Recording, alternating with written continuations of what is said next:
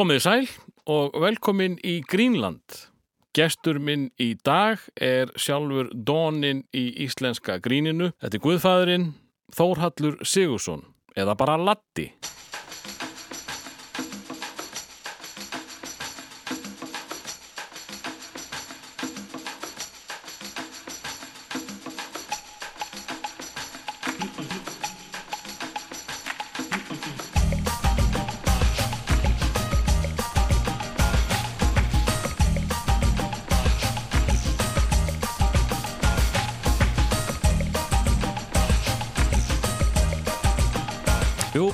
Engin smá gestur í Greenlandinu í dag. Uh, Latti, velkomin. Takk.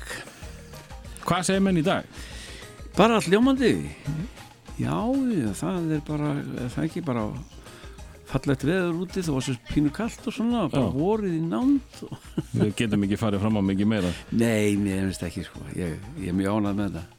En uh, sko, ef við förum bara í frum berskuna, hva, hvað er það fyrsta sem þú mannst eftir? Ég bara man eftir mér eh, bara þarna á nönnustíð í Hefnahörði. Þú ert þaðan, jú? Ég er þaðan, sko, ég, ég er gaflari. Mm.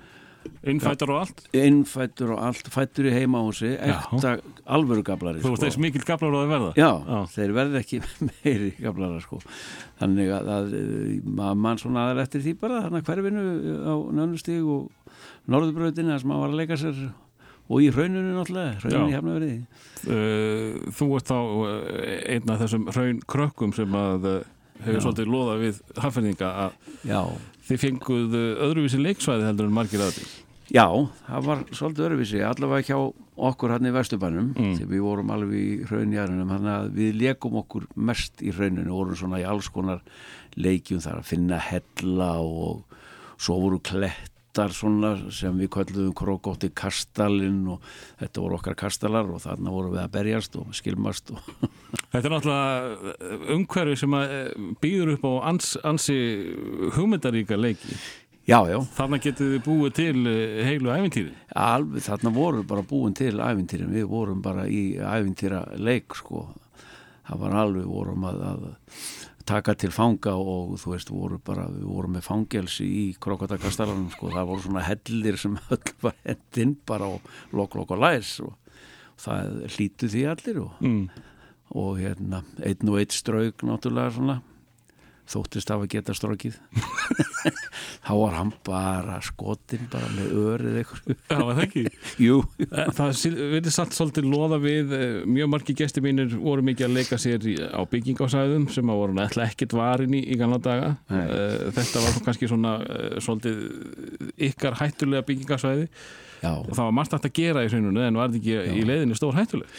jú, það ef, að menn skoða á okkur vi- vinunum, ennin á okkur svona, þetta er ekkert nema ör við, við vorum dettandi í hrauninu, við vorum orðnir mjög flinkir sko að hoppa í hrauninu hérna en svo einstakar sinni rapaði maður og kom heim alveg með stóran skurð á hausnum og, og svona, ég maður einu sinni voru að hoppa eðislega hratt og, og uh, vinnu minn sem var á undan mér, hann var aðeins og sett að standa upp, hann ég hoppaði on hann og hann með hausin onni og þetta er náttúrulega sko oddkvassir mm steinar sko, hraunið og þannig að við vorum alltaf alblóðir með og það var bara flott okkur fannst það töff sko koma heim eftir bardagan út í raunni alblóði, þetta var aðalmálið En uh, hérna gjótur og eitthvað svoleiðis, uh, gáttu þið ekki bara að hrapað eitthvað langt án í jörð?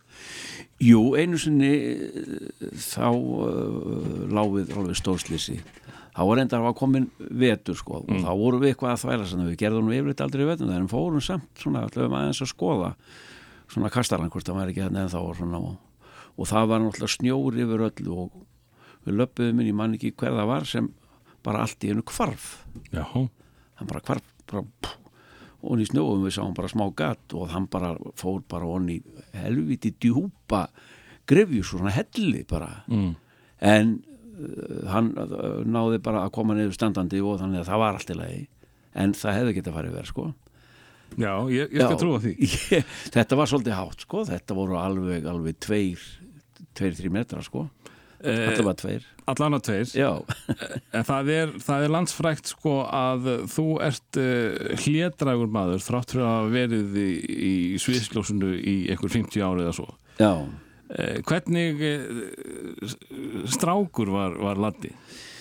Ég var náttúrulega svona uh, ég var náttúrulega heppin að við kynntist strák sem var í sömu götu og ég og annar sem var í næstu götu sem var svona jakafall bróður minn sem var aðeins eldri Mm. við einhvern veginn náðum saman en það var nú engin annar bara og þeir voru svona svipaðir og ég pínuti femnir, þannig að við náðum vel saman en maður var ekkert að þvælast eitthvað annað sko Nei. Ef maður lendi ykkur staðar óvart nýr í bæi eða, eða nálat sögumænum þá fekk maður að heyra það sko maður bara, manni var stríkt alveg svakalega sko og svona og, og í skólanum náttúrulega af því að það krakkarnir sáu það að ég var svona hlétrægur og feiminn og svona og þá var ég tekin bara fyrir og Já, það var þannig. já, já og ég var nú eitthvað svona komin af náttúrulega fátakafólki Mm. Papp og mamma skildu því að þryggjóra þannig að mamma átti nú ekki að penna þannig ég var nú, var nú ekki í, í tískunni svona í, fötunum. Og svona og ég var nú ekki alveg kannski sá fríðasti þannig að mér var svolítið strýtt kallar apabróðir og ég veit ekki hvað og hvað og það var svona, það var svolítið einhaldi í gangi. Já. já, já, þannig að ég við reyndum bara að vera þarna út í hraunni bara ég og, og við þrýr vinninni sko, þar vorum við alveg einir og sér Já, og, og, og, og álveru hetjur á, á eitthvað. Já, við, þá vorum við bara hetjur sko en og svo var maður engin hetja þegar maður var komin sko eitthvað í skólan og, og með öðrum krökkum sko. En eh, eigandi eldri bróður, uh, var það ekki Já. ákveðið? Jú, hann uh, sko, við vorum alltaf fjó, fjórir bræður en þegar mamma og pappi skildu þá fóru tveir með honum austu fyrir fjallam, landið honum. Mm. og það var annar þeirra var Halli bróðir Já, já, ok. sem var elstur af okkur og svo Valgarður sem var næstur. Svo ég og Hemmi bróður við vorum með harmöður og Hemmi var, ég var yngstur. Mm. og Hemmi var svona, hann passaði mig hann, hann lamdi þá sem voru að stríða mér sko. Þannig þeir fengu að kenna það. Ef ég klagaði Hemma og þá, þá fengu þeir að heyra það sko. Hann var svona hraustur svona samaneldur og hann tók það í gegn En, en hvernig, hvernig varst þú sjálfur eh, til dæmis í skólanum? Uh, tökum uh, búlíana frá. Uh, hvernig, hvernig, hvernig var þið sambandi kennara og bara skóla yfirvölda þess að þetta? það var bara mjög slemt Það var slæmt, já. já. Það var, það var bara fyrsta daginn sem ég átti að vera í skóla. Ég náttúrulega vildi ekki fara í skóla. Nei. Það- nei, nei, ég, þann dag sem ég átti að fara í skólan eða þá bara háttaði ég honum rúm sko og sagði bara ég fer ekki neitt. Ég á ekki teima þarna og ég ætlaði ekki og frændi mig var kennari hann kom heim og talaði við mig og svona allt og hann og, og ég enda með því að ég var einhvern veginn plataður að fara því að frænka minn bjóði næsta húsi, hún var að fara líka. Og við fórum saman en það var bara það var allt vittlust bara ég náttúrulega fór að hágrenja þarna og ég veit ekki hvað hvað. Enda með því að skólastjórin kom og tók mig í bondabeyju bara því ég var alveg brjálaður sko ég var uh, sko bara ætlaði að berja alla bara frá mér sko. Því ég þorði ekki inn í skólastofu eða neitt svo leiðis það var alltaf með að mamma var með svona skóla setningunni Mm. og svo átti bara ég að fara einn inn í stofu. Þá var ég brjálaður og enda með að skólastjórin kom og tók mig í bondabeyju og inn á skólastjórastofu setti í stól og talaði eitthvað um mig en setti svo plötu á fón og spilaði músík. Já, þá var minn rólegur. Þá var ég hlusta voða mikið á músík sko, og, og þannig að þá var ég heldur góður. Ég sagði já þetta er nú kannski ekki svo slemt en svo var þetta ekkert svona okkur en degi sko. nei, það var ekki plata fórum um hverjum degi. Nei, en ég fór nú þarna inn og satt við, við mitt borð bara í, í fílu Mm. og gerði ekki neitt. Allir átt að teikna eitthvað, ég gerði ekki neitt. Það og alltaf aldrei að gera neitt. Og þögul mótmæli Já, og upp ekki læra neitt og það var bara alveg svo held ég alla veturinn og, og áfram Hvaða bekkur? Er, er það sjö ára bekkur eða sex ára bekkur? það var sex ára Já. bekkur. Uh, og þú ferð aðeins að, líta í, í, í bækur í, í sjö ára þá eða? já, já, Mm. já, já eða átt að gera það það var það var eitthvað lítið um það þetta var mér ég var strax komin í sem hann kallaði Sebekk sem hann kallaði Tossabekkur Mm. af því það var náttúrulega ekki byrjað að greina sko hérna aðteglis brest og alls konar svolítið, það var ekki til. Það hétt bara að vera tossi og maður gætt bara ekki lært að því maður, ma- ég gæti ekkert einbytt mér sko, og frekar að horfa út um gluggan eða gera eitthvað og, og svona. Þannig að það þetta gekk mjög illa. Þetta gekk illa sig já og, og, og svona og það er náttúrulega mín mesta martröð var náttúrulega svo að, að vera kallaður upp á, á töflu af því að ég, ég vissi það ég, ég get ekki sagt nokkuð skapaðan hlut. Bæði það að ég myndi frjósa og, og, og þar við ekki myndi ekki vita neitt sko. Sko ég ætla ekki að hlaupa of langt sko Nei. en, en miða við þetta já, og þú velur síðan lífstarfið sem er nákvæmlega þetta Já. að fara upp á töflu og gera eitthvað já hvernig dattir í hug að eh, gerast skemmtikraftur? mér, mér datta bara aldrei í hug Nei, Nei, en, en ég uh, má ég að segja að ég hef orðið skemmtikraftur hérna í skólanum bara þegar ég var sem kallaður upp á, á töflu jáhá að ég náttúrulega gæti ekki farið ég bara, ég skalv og sveitnaði ekki hvernig ég ætti að snúa mér út úr þessu. Og það náttúrulega gerði ég bara með fíblanótum sko, því að hann sagði ekki þú þorður? Já, þannig ég stóðu upp og ég bara bjóð til einhvern karakter Þú og- byrjar í karakterinu bara strax þarna? Já, bjóð til eitthvað svona bara, eitthvað, eitthvað skrýmsli eða eitthvað faralend og náttúrulega krakkarnir hlóalur rosalega, kennar um að brjálaður og, það og rak mig í sætið. Já, þannig að þetta svínverkar Þannig ég svínverkaði og ég held þessu áfram, sko. Og var bara náttúrulega uh, ábyggilega svona hirfíblið í, í bekknum, sko. Og kennarinn, kennarinn var ekki vel við mig, sko. En uh, takandi sér þá stöðu að vera hirfíblið uh, margi leita nú í þú og vilja vera það Varstu, Já, varstu ánæður í, í þessari stöðu? Ne, sko mörgur leiti því ég, ég fekk, fekk svolítið aðtegli sko svona í mínu hverfi Mm. svona að þá fann ég þetta að eitthvað að því krakkarnir hlói í bekknum að ég gætt gert eitthvað svona og ég var að búa til eitthvað rattir og svona og, og að byrja þá með skrámsröddina. Já, hún er bara já, hún var, var miklu grófari þá sko. En, en þú hefur þá vantalega verið að, að detti mútur þegar þú ferð í skrámin Nei, eh, nei ég var sko, ég gætt einhvern veginn gert þetta samt með hálsinum sko. Mm. og það var bara miklu grófara sko, ég næði ekki núna, ég bara myndi bara, þú veist, kapna og, og, og ég gætt verið með svona pínu sjó fyrir krakkana en, en með þetta aldrei nokkuð tíman í hug sko. Nei, nei, það var fyrsta sem ég ætlaði að gera var að vera tónlistamöður þú ætlaði að vera tónlistamæður eh, og, og, og myndlistamöður Já, sem það að, kom mjög snemma. En uh, þú vildi samt ekki tekna í, í ekki, ekki fyrst fyrstu? hana ekki fyrst, nei, svo var ég byrjar því, ég hafði alltaf gaman að það tekna og hefur teknað uh, í gegnum tíðina? Já, alltaf svona alltaf af og til hefur verið mikið Þú ert svolítið að því í dag, er það ekki? Jú, nú er ég farin að, að mála. Það sem ég tekna er að pröfa svona áfram með olju, oljumálningu og svona. Varst að finna þig hana? Já, Já, þetta er það að nýjast að því ég bara hætti eða ég fæ að hætta gríninu Mm. þegar enginn vil hlusta mig lengur. Ég veit ekki hvernig það verður. En ég er allavega að byrja þannig að ég er tilbúin að fara bara í það en það gefur náttúrulega ekkert á sér þannig. Hefur þú haldið eitthvað sýningar á þessu? Já, Já. ég held sýningu fyrir uh, sko, já, einu og hálf ára síðan Mm.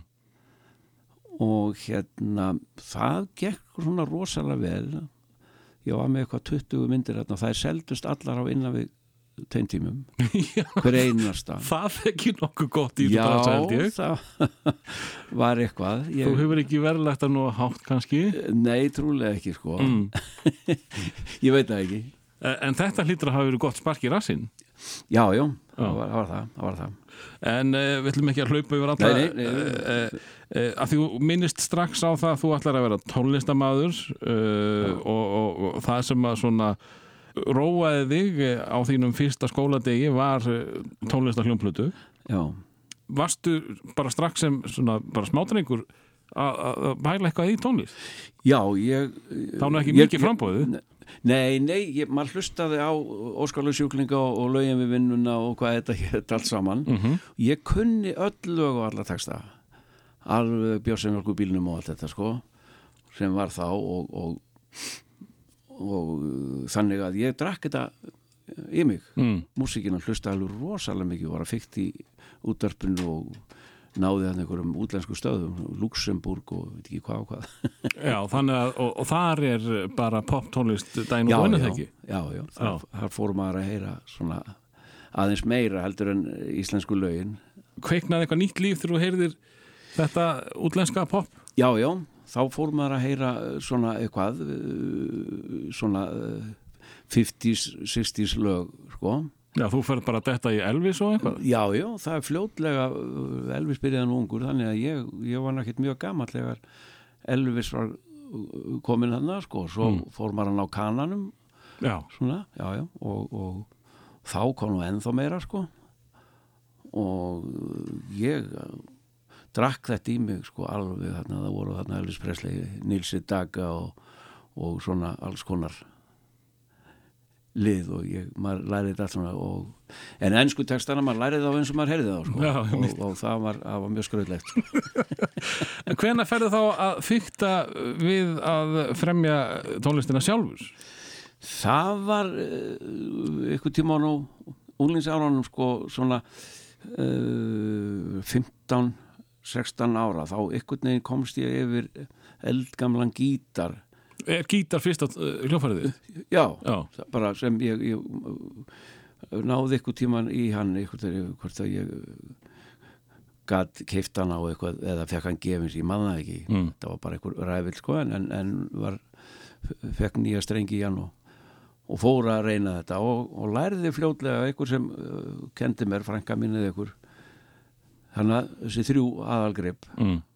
sem ég kann ennþá en ég er búin að bæta við eitthvað tveim, þrem ekki meira en, og þá var ég að glamra á þetta og læriði eh, svona, þessi, þessi þrjúgrip og við vinninir, við þrýr þannig að við öllum að stofna hljómsveit, það var alveg klart við öllum að vera hensfræðir Já, já, já, já, já. spilum Evli bróðis og þú veist voruð þið að ratta eins og Efli bræði? já, já, við vorum að reyna að ratta Mm. já, já, já, já. Þetta er góðir svona, ég var aðalsöngvarinn og þeir, þeir reynda að ratta og það tóst svona, við hlustuðum á þetta og, og, og læriðum þetta Mm. Já, já, var, við vorum stórhuga Árum við kveðjum badnæskuna og förum aðeins Já. betur í úlingin eða að taka svona fyrstu skriða tónlistamannsins latta eftir hann úlingur eða eða fara að þanga fyrr? Já um, Tökum bara lægi núna, svona Já. eitthvað sem að minni þig á, á æskuna. Æskuna, það var náttúrulega sko þegar ég var svona lítill, það var eitt lag sem var hérna þegar sem ég heyrði í, í Luxemburg alveg öruglega Mm. ég hef verið svona sjö ára. Já, og þetta hefur verið svona, já, 50 og, og, og fjögur. Að þá er, það er hljómsveit sem að ég uh, hétir The Diamonds. Diamonds? Já, Diamonds. Og kanadísk held ég. Og hétt Little Darling. Bara ég uh, bara það festist í hausnum á mér þetta lag og bara hefur gert alla tíð. Mér er alltaf fundið þess að svo skemmtilegt skemmtilega sungið, þetta eru fjórir gæjar bara mm. söngvarar, Mm. ekki, ekki hljómsveit beint Heyrur þetta í dag? Áttu þetta til? Nei, ég átti ekki til en ég, það er einstakar sinnum svona allt í einu þegar þá fer ég á, á YouTube og, og fann það þar Já, Já, heyrum þá hér eh, Diamonds, þetta Já. er sem sagt badnæsku lægið hans latta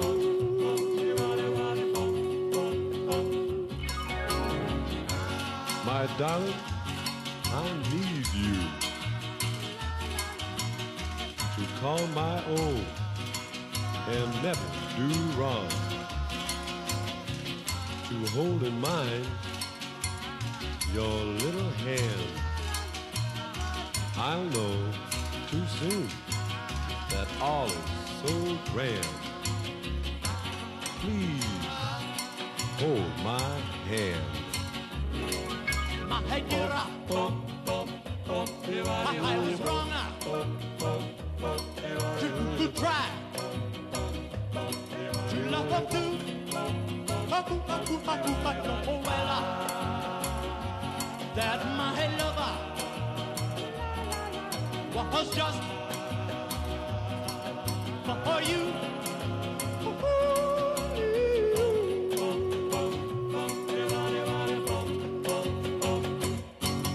Little Darlings, sagður það Já, ekki? Little Darling Og uh, hljómsveitin Diamonds. Þetta er nú nokkuð þróað fyrir sjö ára dreng. Já, já, Heyrum þá sko af uh, þér og, og uh, þinni fyrstu ást sem er tónlistin. Þið farið þarna þrýr uh, bakkabræður og, Já. og stopnið einhvers konar band. já. Uh, Já. og, verður eitthvað úr því eða? Nei, nei, nei, Nei, nei. það var aldrei neitt úr því við vorum bara að settum bara Every Brothers á, á, á, á fónin og svo bara hemdum við eftir síðan þróaði þetta yfir í bílana sko Já. Og við heldum áfram í því sko, við vorum ekki ennþá orðin frægir en, en svo var þetta náttúrulega ekkert úr þess að við fórum en- enginn af okkur að læra eitthvað hljófæri fórum mjög snemma bara að vinna í fiski bara og, og svona og, Komið aldrei fram? nei, nei, nei, Nei. nei. Mm. og hérna þetta var bara hjá okkur þannig að þetta bara kvonaði einhvern veginn þetta var bara hugurinn við ætluðum að gera eitthvað og, en sjálfsögðu var aldrei neitt. Og svo uh, þegar við vorum 16 ára, þeir voru ári eldri en ég sem, aður sko. Og þegar ég var 16 ára þá við okkur á tógaram Nú, það var mjög skröðlegt sko. þetta var að kvöldi til sem við fórum um borð í tógaran og svo fóru þeir að tínast inn hérna uh, hásetarnir og þeir og, og það var eitthvað skröðlegt það fór nú að renna okkur tvær grímur því þá könnuðustu við marga sem bara rónana í bænum. Já.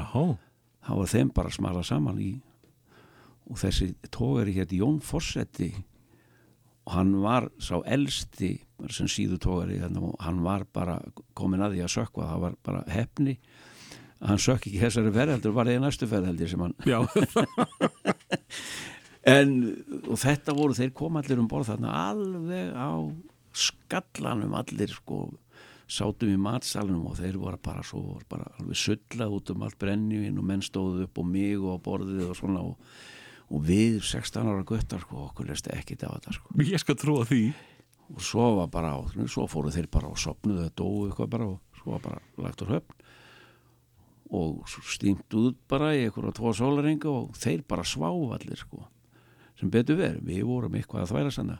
Svo var allt í hennu bara allir restir og var að vinna og, og þá var, var þetta svolítið öruvísi því þetta voru bara einn duglegustu menn sem að nokk tíma séð Já. þá voru þeir bara blá etru rónarnir sem við aldrei séð áður og þeir voru hörkuduglegir og þetta var rosalega gaman og það var silt alveg til, til þýskalasmaður, kúksafinn og, og mjög skemmtilegt Og, og, og voru þið þá að fara til útlanda í fyrsta skipti? já, já, Og hvernig var svo upplöfun? hún var óbúrslega skemmtileg en það var einn einn þarna gutti sem var svona, kannski aðeins eldri en við kom að það og svolítið skrítin svona sköllottur og, og, og sletti svona annari löppinni svolítið og var sköllottur og við fórum að spyrja hann að því og hann var svona, var svona hálf svona hálfgóma hann svona talaði. Mm. og, og hann sá okkur frá því sko, að því við spyrum hann bara að því hvað að því við sáum hann að hann lendi í slísi sko, hvað þið gerist og þá fór hann að segja okkur svona hann sagði ég var plötusmiður og ég var látið fara inn í eitthvað tank til að sjóða eitthvað. Þá var þetta eitthvað gamall svona bensíntankur og hann bara búm sprakk. Og hann bara fór í tættur kallin sko og mist allt hárið og allt það en og löppin var öll ská og röddin fór svona og, og uh, hann héti Reynir og hann gerði allt vittlust út í út í hérna Þískalandi þegar var, var allt í hún var hann fullur sko Mm.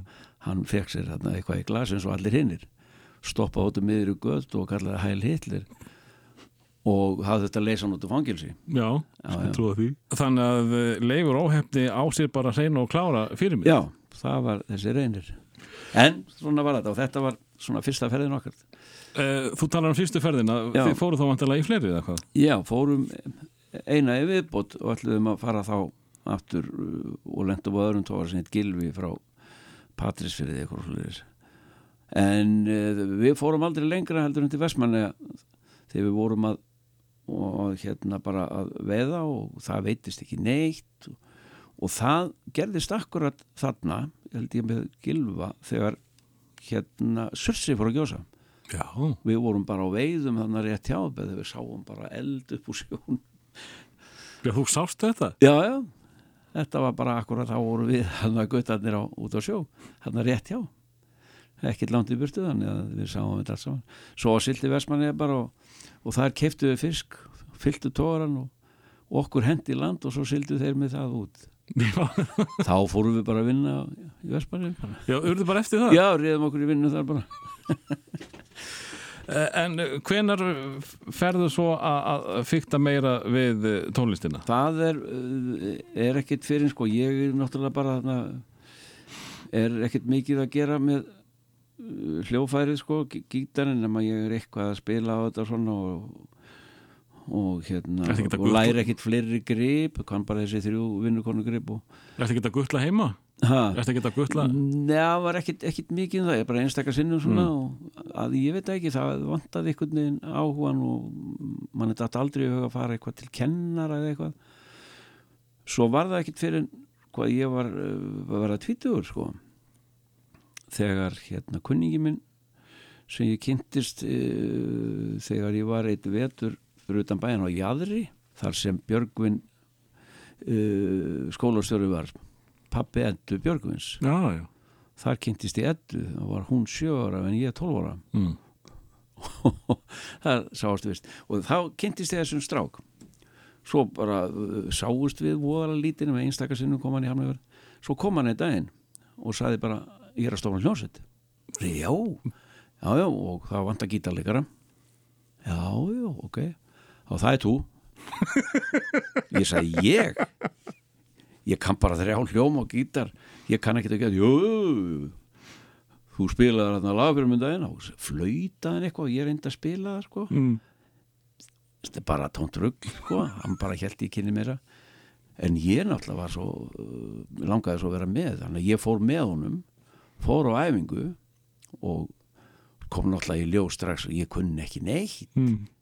Á gítar, bara þessi þrjú grip og það var ekki það sem voru að leita að. Þeir vantaði bara sól og gítarleik já, ok. bara rockara. Og þessi vinni minn alltaf að vera trommuleikari. Og hérna við vorum alltaf trommandi líka svona saman á svona stóla og borð og, og þeir letum við fá svona þykka bók.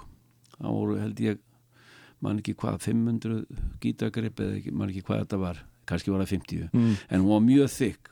Og svo þau bara hörðu farðu með þetta heim og, og hérna, farið yfir þetta og, og lærið þetta og kontu svo eftir viku þeir voru bara að gera eitthvað til að losna við mig sko. Já, ég fór náttúrulega með bókina heim og voru að reyna að finna einhver önnur grip og var komið alveg með blöður á puttana. Og var ekkert betri eftir viku sko.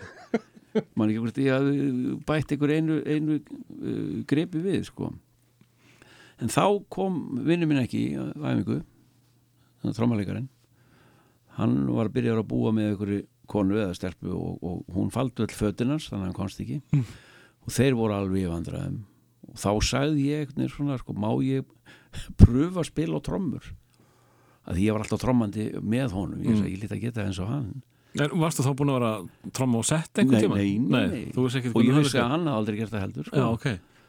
Þannig að settið var þarna og þeir séu kant á trommur? Nei, þá bjóst ég náttúrulega við annari bók með, með hérna 500 trommutöktum. En ég fekk að pröfa þetta Mm. og það bara gekk ágætlega ég held bara helviti góðan takti sko Þetta samspil með hæjat og, og Já, einhvern virkaði það? Já, Já. ég veit ekki hvernig það bara einhvern veginn virka ég kunni nú ekki á bassatrómana beint en, en snerin og hæðin sko það virkaði sko og svo kom bara pff, eitt og eitt svona með bassatrómana og þetta gekk upp sko þannig að það enda með að ég var ráðinn bara sem, sem trommari bara í sér hljónsveit og, og hvað varðum félagan? Hann bara var, kom ekkert aftur? Nei, hann var bara hefði á sér og enda með að hann kom bara svona að kíkja á æfingu eitthvað, hann fekk ekkert að vera með neitt meira. og hérna einn, einn af okkur, Páll Dungal að bara við vorum að æfa þarna og þeir kunnu voða lítið sjálfur en að þeir, þeir kunnu svolítið, hann á bassa eitthvað. Og hann kunnu nú mikið á, á gítar hann, hann gilli. Hann kunni alveg alveg hrúa greipum sko, var svona rithmaleikari en það vantaði ennþá gítarleikara en þetta gekk ágætlega að æfa þetta og með við vorum bara að æfa. Og það var auglisettir gítarleikara að þá réðan okkur bara hljónsettina á seyðisfjörð bara allt næsta sumar. Og hann kom bara daginn og sagði, eru þið búin að ráða okkur ha? og hljómsveitin ekki full mönnuð Nein, Og þú nýbyrjaðir og, að- og neitt. Og, og svo var bara hver, hver á að syngja? Og náttúrulega komaði minn hluta því ég kunni alla texta og allt sko. Já, var ekki einu svona söngari komin Nei, nei, það var engin sem hverju komin ja, áluru businessmaður hann á ha, Já, já, þannig að, að ég, ok, það ég söng bara og þeir reyndu svo að rætta og svo kom einhver gítarleikari sem var, var auglist í blaðinu hann kom og hann var tekin með það bara, þú veist, bara fyrsti sem kom. Því það þurfti að fara á segðu sér bara strax.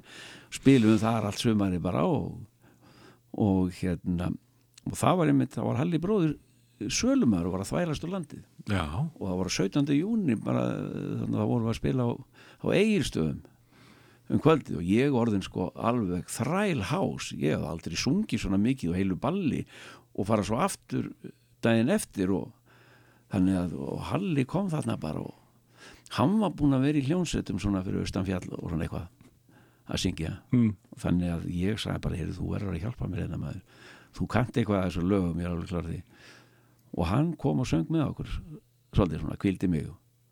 Svo þegar vorum búin þarna kom ég bæinn aftur og þá var þessu stokkað upp og komin nýji menn inn og þá kom Hallin í hljónstina sem söngari já, að því ég sagði, ég meika ekki vera bara eitt söngvari, þannig að við vorum, við vorum þá bara aðal söngvarinn tveir, hann svona söngvarinn og ég svona söng eitt og eitt. Og Eh, rættaði með honum sko, ég get ekki ímynda mér hvernig, hvernig menn fara að þessu bara heilt yfir en þarna erst þú ný sest, sestur við trommusettið. Já, ert að átta það hvenar þú átt að nota bassátrommuna og já, það er margt sem þú þarf að hafa í huga bara við að spila á trommur. Já. Ég hef reynda sjálfur, ég á mest með að reyna að fá þess að bassatrómun til að virka með. Pluss söngur, pluss söngur sko það Hvernig- var nefnilega málið? hvernig gekk þetta svona uh, til að byrja með? Það, uh, bara, ég, það lærðist mjög fljótt þannig að ég var ekkit að nota basstrómina mikið. Nei, Nei, og, og, og bara kom svona inn svona bara með, með tímanum þegar ég var svona örgari sko. þannig að það var aðalega bara að halda taktinum og syngja.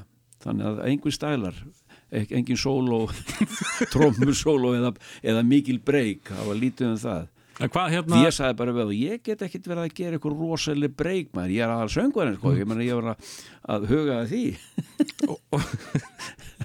En hérna, uh, sko lifðið á þessu þenn, þetta sumar? Að voruð að vinna eitthvað annað á daginn? Nei, við vorum að vinna í, í síldinni sko, Já. vorum á, á síldaplani mm. já, já, en spilum samt á hverju kvöldi. Á hverju það kvöldi var, já, það var næstu í hvert kvöld alveg það, þetta var svo mikið af fólki þetta og það bara var að vera að balla hverju kvöldi. Við vorum einan ljónsettin, svo kom einstakar sinnum ykkur ljónst og við fengum smá frí sko. Þannig að maður gæti aðeins eh, laga rattböndin það var farið að blæða úr þeim hjá mér. Þe, þetta er nú bara með því svakarasta sem ég hef heist já, þetta var eh, svolítið, þegar maður Sko- hugsaði um þetta svona setna með þá, þá fór ég að segja bara hvernig fór ég að þessu sko, þetta var, sko, ekki, alveg ekki, hljómsveitin tilbúin en ráðin, og sko ég held þetta að þið hefði verið þarna um sumarið eh, að spila um helgar eh, sem að mér fannst bara ansi Já, já. já, gott Já. með óreinda hljómsveit. Og, og, og trommuleikari sem að er, þarf að fara allt í hann að syngja líka. Já. en þetta var bara nánast á hverjum degi? Já, nánast á, á hverju kvöldu það var, það var mjög oft í viku allavega, sko, því það var bara alltaf bara, þetta voru svona, fólk var á vaktavinnu. Mm. Og svona, og þannig að það kom alltaf nýtt fólk þetta kvöldu og næsta kvöld voru aðrir, þannig að þetta var minnstakosti fjóru sinnum eða fimm sinnum í viku. En þið hafið þá náða að spila ykkur svolítið vel saman á þessum tíma? Já, já, Já. þannig að við, við skóluðumstum vel til þarna og lærðum heilmikið og, og þarna kynntust við uh, sem sagt öðrum uh, gítarleikara eða bassarleikara og gítarleikara Tómas Sveinbjörnsson sem var svo, svo aðal gítarleikarinn í, í föksun þegar við komum aftur í bæinn mm. og Gísli Blöndal sem var hann líka og hann var gerist þá umbósmaður okkar þess að tveing kynntust við þarna á Sesriði og þannig að það fór alltaf í gang þegar við komum í bæinn það voru komið með umbósmann og allt og, og Halli kom inn í þetta bara orðið stór band sko. og, og hvað gerist þá? þá fyrir við að spila í Þorskafi Mm. bara uh, ránir þar uh, svona um, um, um helgar og, og bara æðislega gaman. Spilum þar og, og, og það er mjög skemmtilegt frá því að segja því þarna uh, það verður 67 já þetta, þetta er 67 67, 68 þá kemur þarna blökkumadur inn í þorskapi. Mm. maður má ekki segja svert ekki. Nei, fyrir ekki, ég er búin að því. Og hérna uh, er að hlusta á okkur. Við bara bóttum ekki dýri maður kallu við kolbygga svartur maður hann kemur svo að tala við okkur og það var þetta Al Bishop sem var úr uh, heimsfræri hérna sveit sem hétt í Brífubóis Já. hann hafði komið nokkur sinni til Ísland og var að syngja á Hotel Borg. Og nú var hann að leita sér að hljómsveit sem fara að ringin í kringu landi með sér. Og var að hlusta á all og hlustaði svo á okkur. Og þannig að já, já, var, var voðalega hrifin sko. Og saði reyndar menn að því- við værum nú ekki þeir bestu en við værum sennilega þeir skemmtilegustu. Jæja. því við vorum sko, voru þið fattir að fýblast eða? ég? Ég var að fýblast á trómmunum svona og, með ykkur fýblast en svo venjulega og svo var Halli komin í máli með mér náttúrulega. Þannig að við vorum svona miklir uh, djókarar og, og það var skemmtileg hljónsveit svona, svona mm. skemmti hljónsveit við vorum alls ekkit góður en, en gátum samt spilað allt og, og sungið allt og Hva, hvað Við voru vorum ágætið söngvarar nefnilega, það var málið og Já. við röttuðum alveg, við vorum bara með fimm rattað og veit ekki hvað, já, já. Hvað voru það að spila?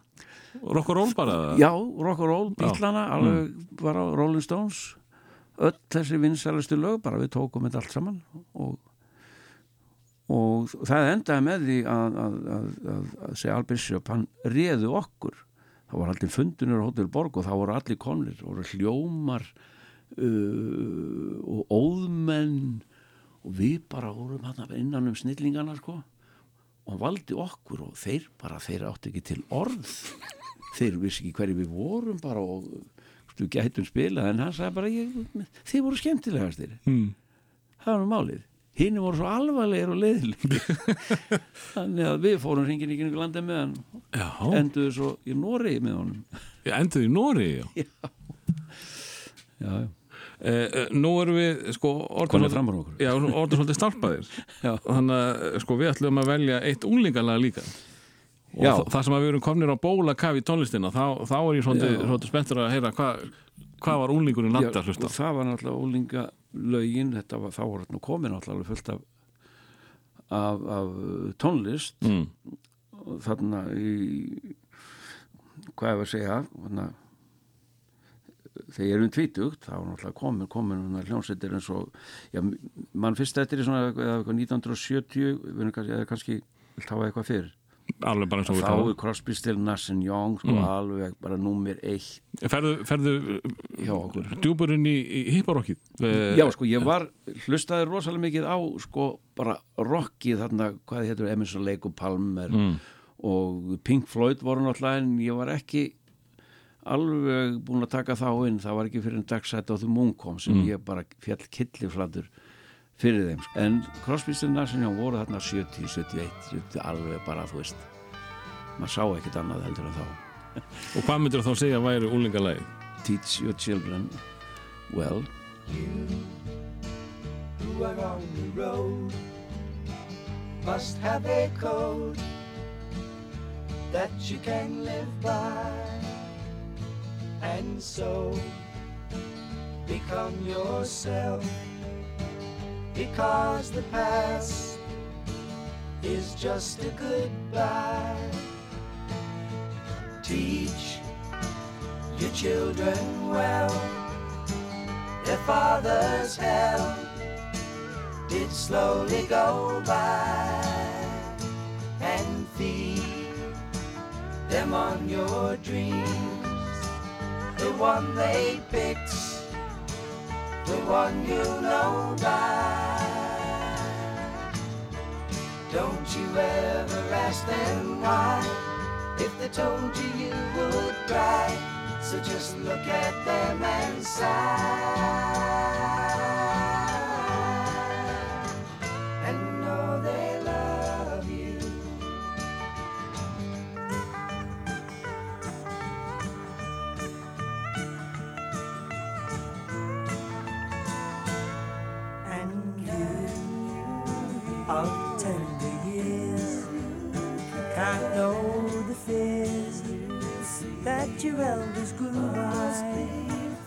So please help them with your youth. They see the truth before they can die. Teach your parents well. Their children's hell will slowly go by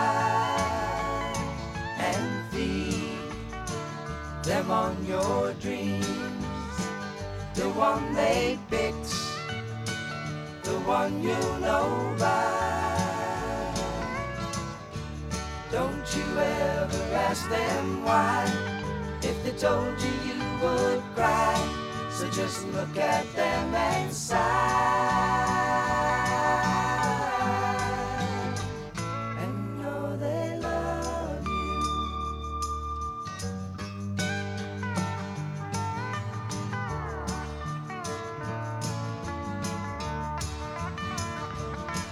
Þetta var unglingalægið hans uh, Latta, Teach Your Children Well. Uh, Crosby, Stills og Nas er Jóng hættan með komin Jóng er komin hann, já. Já. Ég er náttúrulega með eina stóra spurningu með að við uh, þessa segraðina í tónlistinni Já. með, föksum uh, Það er ekki til mikið útgefið. Er einhvað til?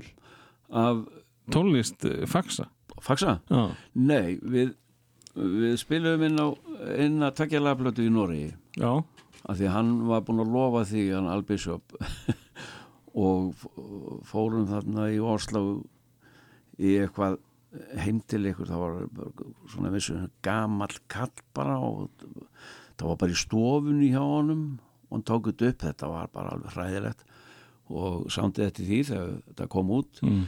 við pössum vel upp á það og hún fær aldrei til Íslands. Við reyndar komum með eitthvað plötun en ég, ég týndi nú fljótlega minni plötu, ég veit ekki hvort að Halli eigi sína en ég held ekki sko, Mm. þetta var látið hverfa þetta var hræðilegt sándið á þessu sko Já. ykkur gamall maður sem var það var bara inn í stofu, bara bergmál og svona þú veist bara, getur ímyndaðir en hann, hann kláraði bara það sem hann skuldaði þeim, það var einhverjum umbósmanni þarna úti En, svo komið þið heim hvað, Já, skellur þú þá kjúðum á hilluna eða hvað? já, eiginlega sko þarna þegar við komum frá Nóri Mm. þá ég þurfti að fara hætta því þá var ég uh, nýbúin að gifta mig og, og átti lítinn strák Mm. Og það var bara kom skeiti út bara frá tengdaföðu mínum að, að dröllast heim og fara að vinna fyrir fjölskyldina því við fengum engan peningað úti Nú, það ekki gæti aldrei sendt krónu heim nei, nei. þannig svo sumir segja þetta fór allt í sjálft sig mm. en það var bara málið það að Albisjóp hann var svona klúðrari og hann skuldaði alveg fullt af peningum og ykkur umbósmaður núti og veit ekki hvað og hvað og var bara að borga þetta og við fengum aldrei neitt pening við fengum eitthvað rétt fyrir mat og svona fyrir einum einum bjór skáttum kefti ykkur, hann passaði það svona aðeins en við fengum ekkert meira. Átti alltaf að koma, já þetta er alveg að koma sko, við erum að borga þarna fyrst og svo bara næst þá fáið þið alveg en það kom aldrei. Og enda með því að ég náttúrulega var að ringja heim í strák sem ég kannast við, trommara og baða hann að koma út og það geti tekið við að mér og hann alveg helt það nú. Stóra tækifæri og hann kom út. Ég fekk lána allan peningi í honum til þess að borga farið mitt heim. Mm. og, hérna, og fór heim. Þeir heldur svo áfram og Halli og þeir og kláruðu þennan túr og fóru svo til Svíþjóðar. Já, já. Þannig að þeir komu uh, þó nokkuð setna heim. Já, ég trommar ég og einni hljónsveit eitthvað ég, söng, söng, trommarleikari sem var söngvari líka vildi fara bara að syngja þannig að ég gerir svona trommari bara Jaha. söng ekki neitt, var svona bara bakvið og þægilegt og e, þannig að og svo bara var þetta ekkert mikið meira sko, þegar hún byrjar í, í, sjónvarpinu og, og þá datt þetta upp fyrir bara þetta hljónsetta vissin og Og hefur ekki tromma síðan? nei, Þú hefur bara Nei. verið þá að syngja í mikrofón, uh, Já. kjöðarnir eru ennþá á hillinu bara. já ekki snert Já. og hérna, já, já En, en svo kemur, þú kemur hingað á, á rúf já, eða, eða þangað, Já. skólagötun eða eitthvað. það var nýr á, nýr á lögavi Nýr og lög á ég. já, Uh, hvað varst að gera þar? Ég, sko, Halli uh, byrjaði að vinna þarna og ég var að vinna í kassagerðinni þá Já, já. Og var, var þá reyndar sko, uh, þarna, þetta var 69-70 og, og, og þá var ég ennþá örlítið að tromma sko, já. svona með svona þinn með þessum og, og hérna En varstu að, að fara að gefa frá þér þann draum að, verða popstjarna eða? já, eiginlega sko Já. það var bara, ég sá það að þetta var eiginlega ekki neitt sko og það uh, var þannig að ég var að vinna í kassagerðinu og Halli kemur þarna einn daginn með, með yfirmanni sínum þarna í, í list og skemmtidild sem sá um, um hérna sviðsetningu og svona Snorri nú dáinuna Mm. og, og hann sagði bara bróður minn er að vinna hérna og hérna kíkja aðeins á hann, heimsækja hann sko. Hann ætlaði að reyna að retta með vinnu sko sjónarpinu að því ég var náttúrulega sko var svona allt múlum að ég var búin að læra var að reyna að læra hérna, að vera hérna húsgarðasmiður Já. og kláraði það náttúrulega aldrei en var svona liðtækur Gast gert smi, eitthvað? smiður Já. og, og, svona og allt þetta þannig að ég bara um að redda því mér langaði, langaði að vera, fara bara í það að vera leikmyndasmiður bara, Mm. ok, bara fara bara í það Þa, því það var svona nála til að vera svona myndlistinni og, og því og hann kemur þarna með hérna yfirmann sinn og þá ég var alltaf teiknandi og þarna var fullt af afgangskassa og ég var alltaf teikna gæjana sem voru að vinna með mér hendi þessu svo, en þeir hirti þetta og hengdi þetta upp. Mm. og hann sér þetta, þetta hangir hann upp og hann sér, hver, hver er að teikna þetta? Því hann var myndlistamæður sjálfur. Þú eru lati var alltaf að teikna hann. Já. Já svona uh, listamenn er ekki vinna í kassagerinni þeir hefur verið í sjónvarpinu. Hann ég fekk vinnuna Út á teikningarnar? Í raun og veru Þannig að þú, þú, þú ferð ekki sjónvarpi til að sneika þig e, fyrir framann myndavæluna. Það var Nei. ekki planið. nei, nei, nei, Nei. Það, það var ekki fyrir uh, eitthvað setna bara, þeir vorum búin að vinna þarna að við fórum að koma fram það var bara út af því að fíblavætin í, í okkur og, og aðalega að, flossi þegar maður var að gera áramöndaskaupin þarna held í 71 Mm. að hann uh, voru að nota vantaði svona uppfyllingar og svona og hann sagði, það er að nota þessa vitleysinga, það er að fýblast þetta út um allt til og það geta gesta líka og þá fór að koma svona eitthvað smávegis Mm. og jógst alltaf að nota okkur senda inn með sniðu í strákar Nota einhver smávegis. Hva, hva, Já. hvað þá, eitthvað í, Það- í baksín eða voruð þið með Nei, klippu sjálfur? eða- nei, nei, nei, það byrjaði, þetta byrjaði reyndar aðalega sem glámur og skrámur Já. Og, og fyrst, fyrst þarna í áramótaskaupinu sem eitthvað smá eða svo, ma ma, jú, maður leki í skets og, og sagði eitthvað og svona já, í, í, í einhverju skemmti þáttum eða, eða bara í skaupinu? Nei, það var bara eins og skaupi Já. en síðan kemur koma þarna glámur og skrámur Og hvernig verða þeir til? það var verið að búa til svona eftirhermu af Sesam Street Já, já. sem var þá í, í kannasjónvarpinu og, og það eru búnar til þessar skefnur og vantaði svo rattir og þá var verið að bara að og að vor kom Bjössi Björs til okkur og segi þið með, allt með hennar fíblaskap þið hljótið að vera með eitthvað rattir eða ekki? Nei, nei. Svo allt í einu myndi ég eftir skráms röddinu frá badnæsku Sem þú varst ekki bara að nota í miljón ára eða eitthvað? Jú, ég notaði hana svona bara heima hjá mér, Já. góðu bara þegar þeir vinni mínu kom í heimsókn svona, ára og ekki að þannig að ég kom með þá rödd og það náttúrulega alveg small innmara, þeir eru aldrei heyrt svona rödd, þetta var alveg, alveg nýtt. Og, og Halli tekinu með, þú kemur ykkur rödd. Það bara neini, þá var hann bara og, jú, jú, þú getur verið bara eitthvað svona búið til eitthvað, hann var hann bara skrækur Mm. svona og allt í lagi. Og hinn þeim rættaður og þannig byrjaði það. Og svo fór að koma svona uh, fór þetta svona að vinda upp á sig og þú átt að gera svona skemmti þætti uh, Jónas R. og Egil Eðvars og, og átt að fara að búa til eitthvað með Gísla Rúnari og Jóla Bráns ungir strákar sem var nýbúnir að klára eitthvað, eitthvað leiks, leikristaskólan Mm.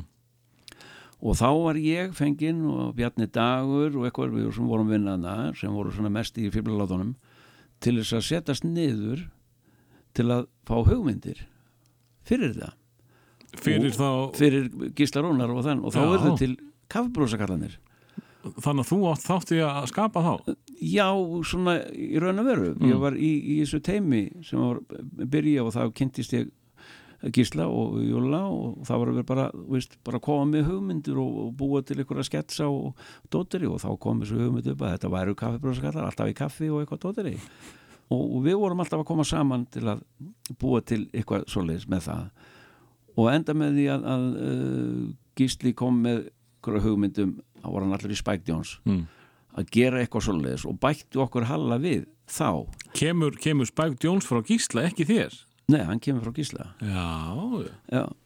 Og þá uh, erum við að klippa saman svona alls konar og búa til eitthvað atriða því þá kom skemmti þáttur sem var komið með með hérna Ríó tríónum og þeir átt að vera í því og við komum með þetta atriði sem eitthvað slóði gegn eitthvað, þú veist, Spike Jones og því að mæma það er það ekki það Ha, jú, það Já. var mæmað og, og þá í þeim þáttum þá var til Saxilagnir sem var fyrsti karakterinn sem, sem kom Veitu, hvað er hann þá gamall?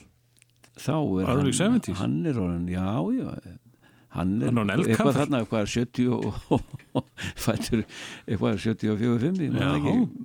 eitthvað svoleiðis, já og þannig að, og þá fórum við að vera meira með þeim í svona sketsa þáttum hana Mm. Og var mikið um þá í þá daga? Já, þá voru þessi þættir að byrja það var þetta kvöldstund í sjónvarsal og svo kom auglasat á kvisti sem Egil var með þetta allt saman og þá bara eruðu við meira og meira inn í þessu og, og svo komum við þarna uh, loks með Spike Jones bara ég og Halli Mm. í Gísli og, og þeir gátt ekki komið eða eitthvað svo leis þannig að við kliftum þetta saman tveir og komum með þetta og þar sló svona svakalega í gegn það var svona fyrsta þá að byrja að ringi okkur og veist, koma skemmta ásáttíðum og svona við hlóum bara því sko. En þetta, þetta, þetta er verið algjör sprengja sko, fyrir þá sem að hafa ekki þekki ekki Spike Jones uh, geðveikina. Já, já, að, sko, það þarf náttúrulega einhver talent til þess að, að ná að mæma þetta því Já. það er mikið, að- mjög hratt og mikið að skrýta hlutu hratt þannig að við uh, þurftum að læra þetta alveg hverja einustu sko, Annars er þetta ekki skemmtilegt. nei, effektin og allt bara byssu skot og dótari og, og svona, við vorum snöggir að læra þetta og, og þetta var bara og endaði með því að við neittumst til þess að ok, fara með þetta og pröfa því það voru allir að ringi og sem við erum búin að pröfa þetta við, það var að bjóða okkur peninga fyrir þetta mm. getum fengið pening og þannig við fórum að pröfum og það er náttúrulega bara þetta fór allt í þvælu ég man það bara að fyrsta kvöldið við fórum inn, vorum með segulband með okkur sko, Mm. bara og sett í gang og enga mikrofon og ekki neitt það, það, það þurfti ekki Nefnir. Vorum í einhverjum litlum sal út á loftliðum og það, það eru svona, svona eldra fólk og við erum bara sko sá, sá fremsti er bara eins og, eins og þú hérna verið fram mig Já. við erum bara bara- já, svo setjum við í gang og byrjum allt þetta og gamli maðurinn á fremstabæk hann bara horfði á okkur enda með að stóðu upp og sagði hverslast jöfursins fíblalæti eru þetta við bara stoppum bara slögtum á bandinu þökkum fyrir okkur og löpum út. Því að það, þetta náttúrulega var bara geðveiki fyrir svona fólk. Það sagði bara hvað? Við sögðum ekki neitt, heldur vorum bara með svona effekt á prump og Hva, hver var það fyrsta hugsun? Þetta gerum við ekki aftur eða? það var aldrei aftur en við verðum að fara á annan stað. Sem Saman var- kvöld þá eða? sama kvöld, Já, sem var í Hafnafyrði og náttúrulega okkar heimaslóðum.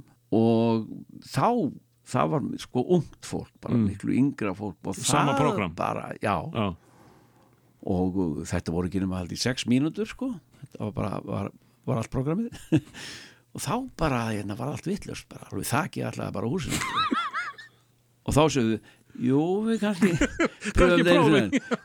og þá bættum við við saxalækni og, og svona vorum með soliðið skets búa til skets með, með, með saxalækni og kom sjúklingur til hans eins og við höfum verið að gera í í sketsaþáttunum. Og gerðum þetta eins og þetta væri í sjónvarpið og það náttúrulega bara gekk ekki þannig að við vorum svolítið vorum lengi að komast í gang og fatta hvernig við ættum að gera þetta. En þið, þið verðið sagt strax teimi, þú og Halli. Já, Já.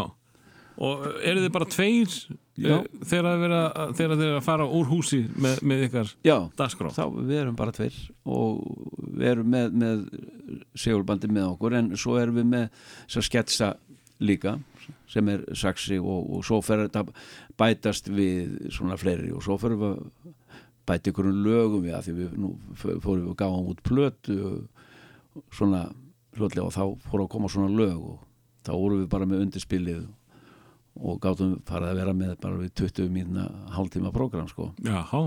En Eftir plötuna, það hlýtur að hafa verið ákveðin sprengja, því þetta er rosalega vel hættu plata. þá var algjör sprengja eftir, eftir fyrstu plötur hann að láta sem ekkert sé og hérna, þá kom Gísli inn í með okkur þá vorum við þrýr um tíma sko Mm.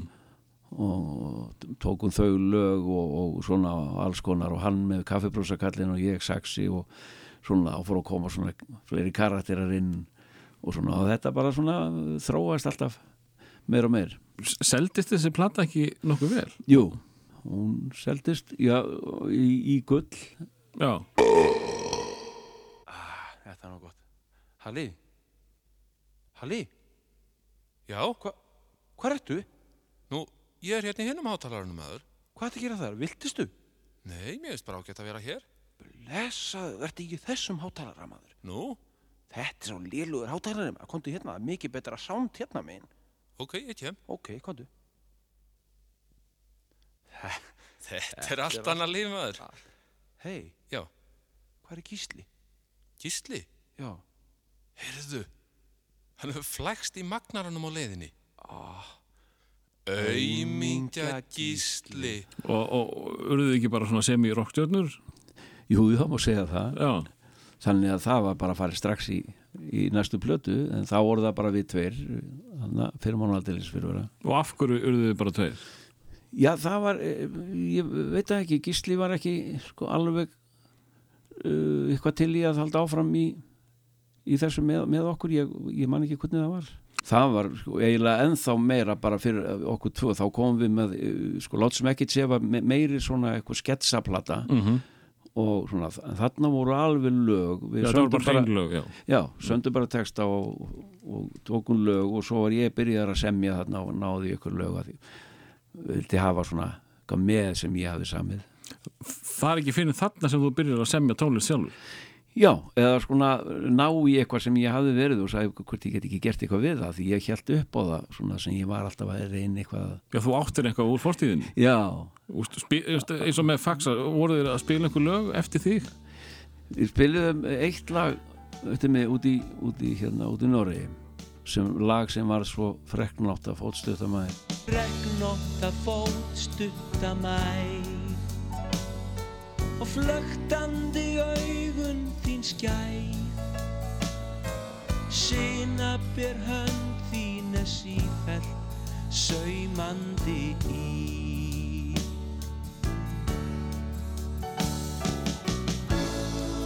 Melgjaða mær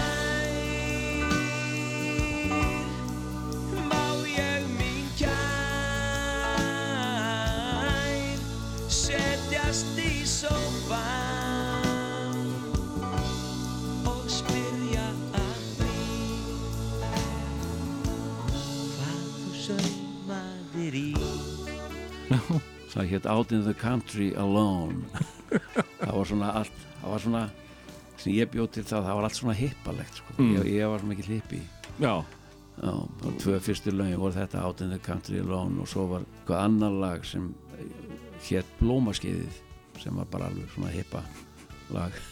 Og þarna varstu náttúrulega með sítt hár og, og, Já, og, orðið hans er þarna. og, og, svo, og þess að legendary mottu sem að var uh, það sem að maður þekkti fyrst af laddanum. Mottan. var sítt hári maður og svo, já þetta er mottan, já þetta er laddi. Já, ha, Já, það var ég byrjaði að reyna þetta í Noregi þegar við vorum þar og þá ákvað maður að því að það voru allir sko bítlarnir og allir voru bara með með hár og, og skegg og þá byrjuðum við að sapna bara og, og skeggi. Mm. Og ég var svona komið með svona híung sko, góðan svona var svona, ég á mynda mér einmitt með Al Bishop og þá vantar alveg hérna í miðjuna. En uh, það var ekki fyrir svona, svona ári setna sem var orðið nokkuð gott, já, já. þá komið lataskeggið og það var alveg í í, í já, 10-15 ár það var samt ekki meira því Nei. sko í minningunni þá, þá var þetta alltaf en svo náttúrulega fóruð að búa, fórst að búa til alltaf þessa karakter og Já, þá get, þá getur ekki alltaf ég, varði ég að, að taka skeggið af að því það gátt það ekki erfitt? allir verið með skegg var það erfitt, ha, búin að vera vinnuðin í eitthvað það tíma var ofbóðslega erfitt maður. Ég mann þegar ég pröfaði það fyrst sko, að taka það að mér og mér fannst ég vera bara eins og fíbl sko. Mennst, ég er svona stólna vör eða eitthvað bara maður var að því að búin að vera svo lengi Já. Að það var bara mjög skrítið. En, en sko þráttur að hafa sett uh, kjöðan á hilluna þá uh, fórstu nú í álfuru prí-bítla rock með uh, bó og Já. ró já, já. Hvernig það, kom það til? það kom til þannig náttúrulega við könnumst aðeins við hérna hvort, hvort annan sko, fór úr hafnafyrði Mm eða sko Baldi bróður hans Bjögga hann var vinnur hans hemma bróður mm. Og maður kannast aðeins við, við Bjögga hann var náttúrulega miklu yngri en en uh, við kynntum svona að hann voru að koma í sjónvarpið og svona og þó voru viðotnir þekktir að þá uh, fórum við út á land með það var Brimkló, Halli og Latti Já, alveg rétt. Og, og það byrjaði svoleiðis sko.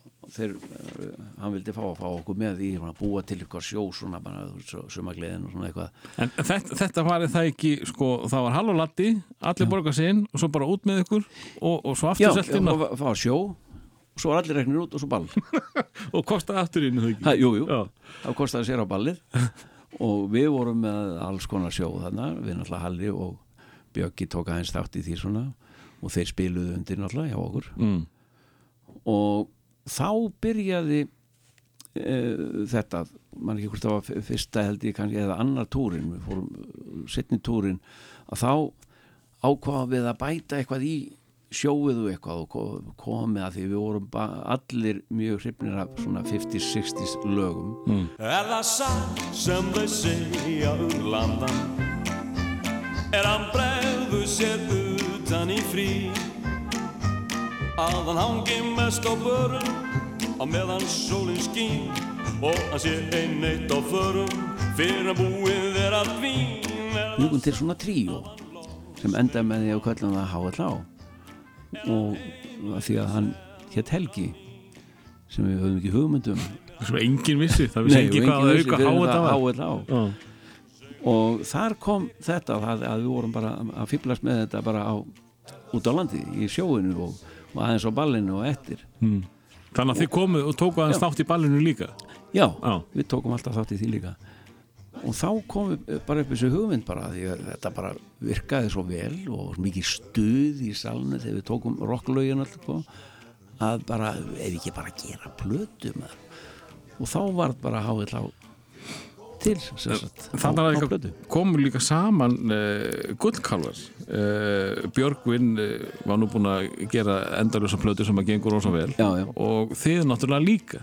Já, það þurfti ansi mikið að gerast til þess að þetta myndi kól falla eða ekki? Jú, ég jú, jú, það það við vorum nokkur örugum með það að því að þetta virkaði svo vel þarna út á landin með, með Brimkló Halvalata og, og náttúrulega Brimkló spilaði undir allt saman á, á, á plötunni mm. og svona ásand það kom einhverjur fleiri hérna saksamáleikarar og dótari þannig að og, og það bara það, segi, það klikkaði ekki og, við háið var mjög vinsælt og enda með við vorum fannir að bara að fara með það bara þrýr svona bara með, með kassettu með okkur með undirspili og 17. júni og svona út um allt Já, í leðugalanum og, og við vorum andir bara svona skemmtikraftar, hafa alltaf flokkurinn.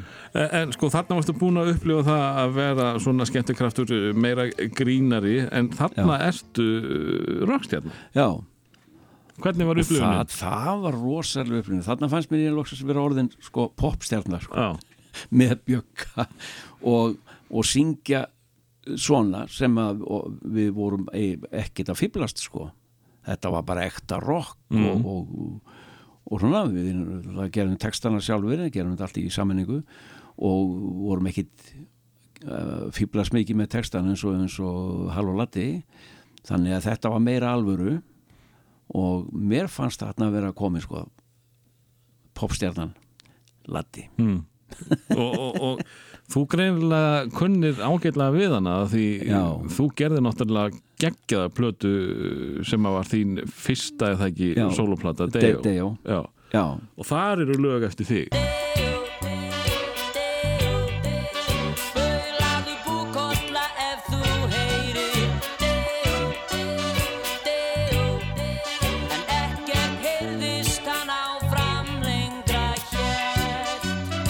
Já þar uh, kom ég með, með svona flest öll lögin og allt þetta sem ég átti alls konar eitthvað uh, svona hugmyndir að lögum. Því að ég, maður tók þetta allt upp á bara segulband og svona og átti þetta. Og þegar við vorum að gera látum sem ekki sé með Gunnar Þórðar. Já, Gunn, var hann, Já, tók hann var, já, við fórum til London til að, til að gera þetta, þá bjöggu þeir út í London bæði Gunni Þórðar og Bjöggi. Bjöggi var hann ennþá eftir Change æventýrið og, og, og Gunni var svona óbærslega hrifin að þessu og, og, og vildi halda áfram að gera eitthvað og vissi eitthvað að ég var eitthvað að sko, hann sagði, "Þú- þú- endilega að ég gerði eitthvað og við mín lög. Og sagði bara ok, farðu bara og gera eitthvað. Ég fór bara að taka þau og og klára þau og fór svo að gera textana maður og ég tók þetta svo alvarlega Þú ætlaðir að gera alvarlega plötu? já, já, alveg, alveg popplötu, alvöru popplötu var búin að liggja alveg gera texta maður, veit ekki hvað og hvað.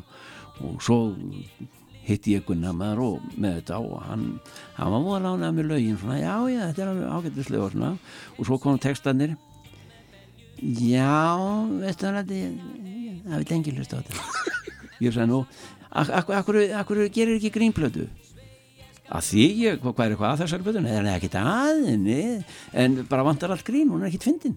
Hún á ekkit að vera fyndin, sagði ég. Það var alveg grín, já, ok, gerði alveg popplötu en hafðu pínu lítið grín í henni. Og svo kom þetta nefnir þetta, ef að poppi klikkar þá getur alltaf sagt þetta bara verið djúk og ég var að breyta textunum aðeins Já, og svona gera það aðeins fyndnari og svona Þannig að sko fyrsti stóri smellurinn eh, um búkollu já, textin hefur þá verið einhvað öðruvísi í upphafið eða hvað? Já, já alveg, alveg ég, ég man, man ekki hvernig það var sko þannig að endaði með því að ég tók þetta æfintýri bara. Mm. og, uh, og það var allt í lagi. Hvenar hérna ferðu svo að leika í bíómyndum? Það núna fyrsta bíóndi var nú reyndar uh, ekki bara svipa leiti við vorum sjónvarpinu og 70 og og eitthvað Andri Sindur hann gerði mynd mann ekki hvað mann ekki hvað hann hétt En síðan hvað? uh, ég bara þú veist er ekki með með nöfnunaðum þessum fyrstu myndum Nei. sem voru, voru gerðar en, en það þetta en það er þó nokkuð mjög myndum. Uh, ég menn alltaf, sko, eina fyrstu myndunum er það ekki var þessi sjónvarsmynd uh, eftir Hrafn Gunnlaugsson Jú, það, það var sjónvarsmynd og þar, var fyrsta myndin sem ég leik í svona sem var svona alvarlegt hlutverk. Já, og það var ekkert grín. Ekki neitt, það var langt í frá þetta var bara tragedist sko, hann Já. var bara ykkur tó- tónlistamæður fyllibitta mm. og, og það átti að redda því fjölskyldan ætlaði að redda því með því að senda hann út á land í afvöldnun og gera, gera hann að kennara það bara, þú veist, lengst út á landi og kæmist ekki í neitt víni og neitt rúli sko, til þess að redda hjónabandinu og, og öllu Mm. og hann náttúrulega klúðraði bara öllu þar og, og svona náði sér ykkur staðar hann í datt í það og, gerði allt vittlust og, og svona það var hálf, svona tragist sko mm. Og það ég, ég var mjög ánæði með, með þá mynd og mér var skamman að leika inn og að leika akkurat svona alvarlegt hlutverk sem að maður sem klúrar öll og brotna niður maður mis, mistur sér augað og, nákvæmlega. og En hvernig var þið tekið? Að því þú átti bara að vera fyndin þú, þú áttir í mest eruleikum að að gera sóloplötuna þína Já, og já. átti að vera fyndin Já, en, en hvernig, sko, ég sko, það? það? voru ekki allir ánæði með þetta Nei, Nei, það var það ekki sko, eða þannig sko margir, jú, fannst þetta svolítið svona skrítið og jú, það voru nokkri sem svona fannst þetta en, en, fannst frekar ég eftir heima í, í gríninu mm. þessu, en, en það voru nokkur sem bara voru mjög annað með þetta og það er bara, já, já, þú, þú getur alveg leikið alveg hlutverk líka. Eins og Raff Gullursson, hann held því alltaf fram. Já, ég, Og- og sem að gerði líka í þessari mynd Já, já. og hefur alveg gert síðan. Já, já, Eigum að fara aðeins í sko, eitthvað sem við náttúrulega margótt talað um. Það, það er þessi, þessi karaktera sem að, sem að smá saman uh, þeim fjölgaði já. fóruður á flug með eh, hemma Gunn eða varstu komin að fullt í þetta áður en að þú ferðið að aðstofa hemma í, í, á tali Í- Já, það fór svona eh, kannski meira flug uh, þar hjá hemma mm. en svona kannski byrjaði í hérna áramótasköpi sem var, var uh, leikaraverkvall og uh, þá var gert áramótasköp held ég 81 sem Andri Sindir eða svona var með. Og gerði þetta öðruvísi, það var svona meira músík og þá var þeir ykkur fjalar til. E, Kemur hann fram þar? þá kemur hann fram þar, hemmigun var þá host eða svona Já, ykkur kynntist, kynntist hemmagunum þar bara fyrst sko. Og þar kemur Eirikur Fjallar fyrst fram. Baldur Brjánsson var hann líka og Maggi Óla. Við vorum ekkit í leikarafjallaginu þannig að við gátum og þá svona var ég að leika hana nýjan karakter sem er Eirikur Fjallar og leika hann einhvern lögreglu þjón og, og ykkur svona fleiri. Og svona þá er þetta svona að byrja. Saxi samt eh, er á, á fyrstu plutunni e, látum sem ekkert sé. Já. E, hvenar kemur næsti? og Leifur óhefni, er hann ekki á einhverju Nei, ekki, hann kemur, kemur nú ekki strax en sá sem að syngur austur stræti. Ha, og það er, jú, næsti já einmitt, það er, það er mófröður Já, móviganli, hann verður til þarna í sjónvarstætti, einmitt svona sketsa þætti. Og ef ég mann rétt þá var þetta og maður ekki kjartans við leikum saman svona tvo kalla og þá var, var þann til mófröður. Mm. og fór á flug þegar Ómar Ragnarsson uh, fekk mig ég held að það verið áramöndssköp líka. Og Ómar og ég við sömdum uh, program eða sem sagt skets um, um elsta mann á Íslandi. Og þar svona fór það á flug og, og, móiganli var, var svolítið vinsæll.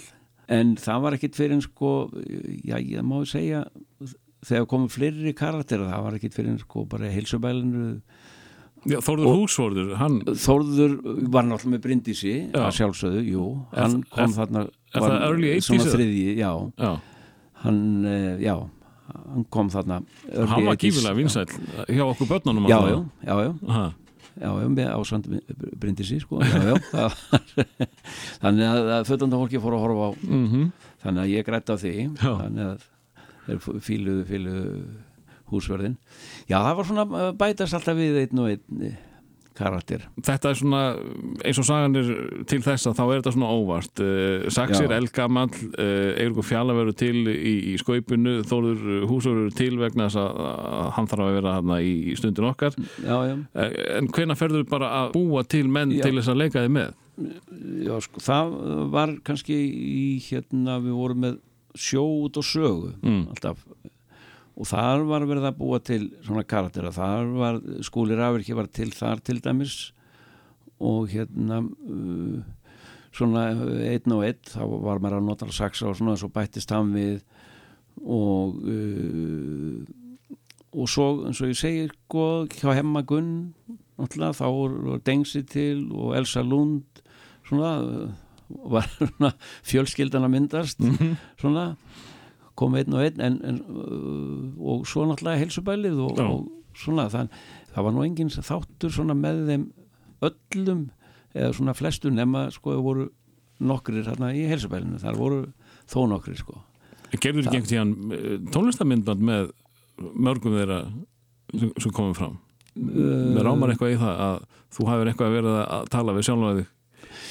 Jú, það var Egil Eðvarsson gerði myndband um eitthvað, það var eitthvað sjómars auglýsing eða það, það var eitthvað þannig gerði þetta tvisvar. Mm. og þá var ég og leika á móti sjálfum mér og, og hann var að leika sér eða ég var einmitt í ein, einni svona þá voru við bara fjórir eða fimm sko, það var Skúli Rafirki og, og Eirikur Fjallar og Magnús Bondi og, og, og fleiri sem voru að syngja eitthvað lag ég, ég man ekki alveg fyrir hvað það var en það var, það var einhver, einhver skemmtið áttur Eh, Sko að því að minnast á Eirik Fjalla sem að var eh, einn af þínum, þínum allra vinsalustu lengi vel framan af.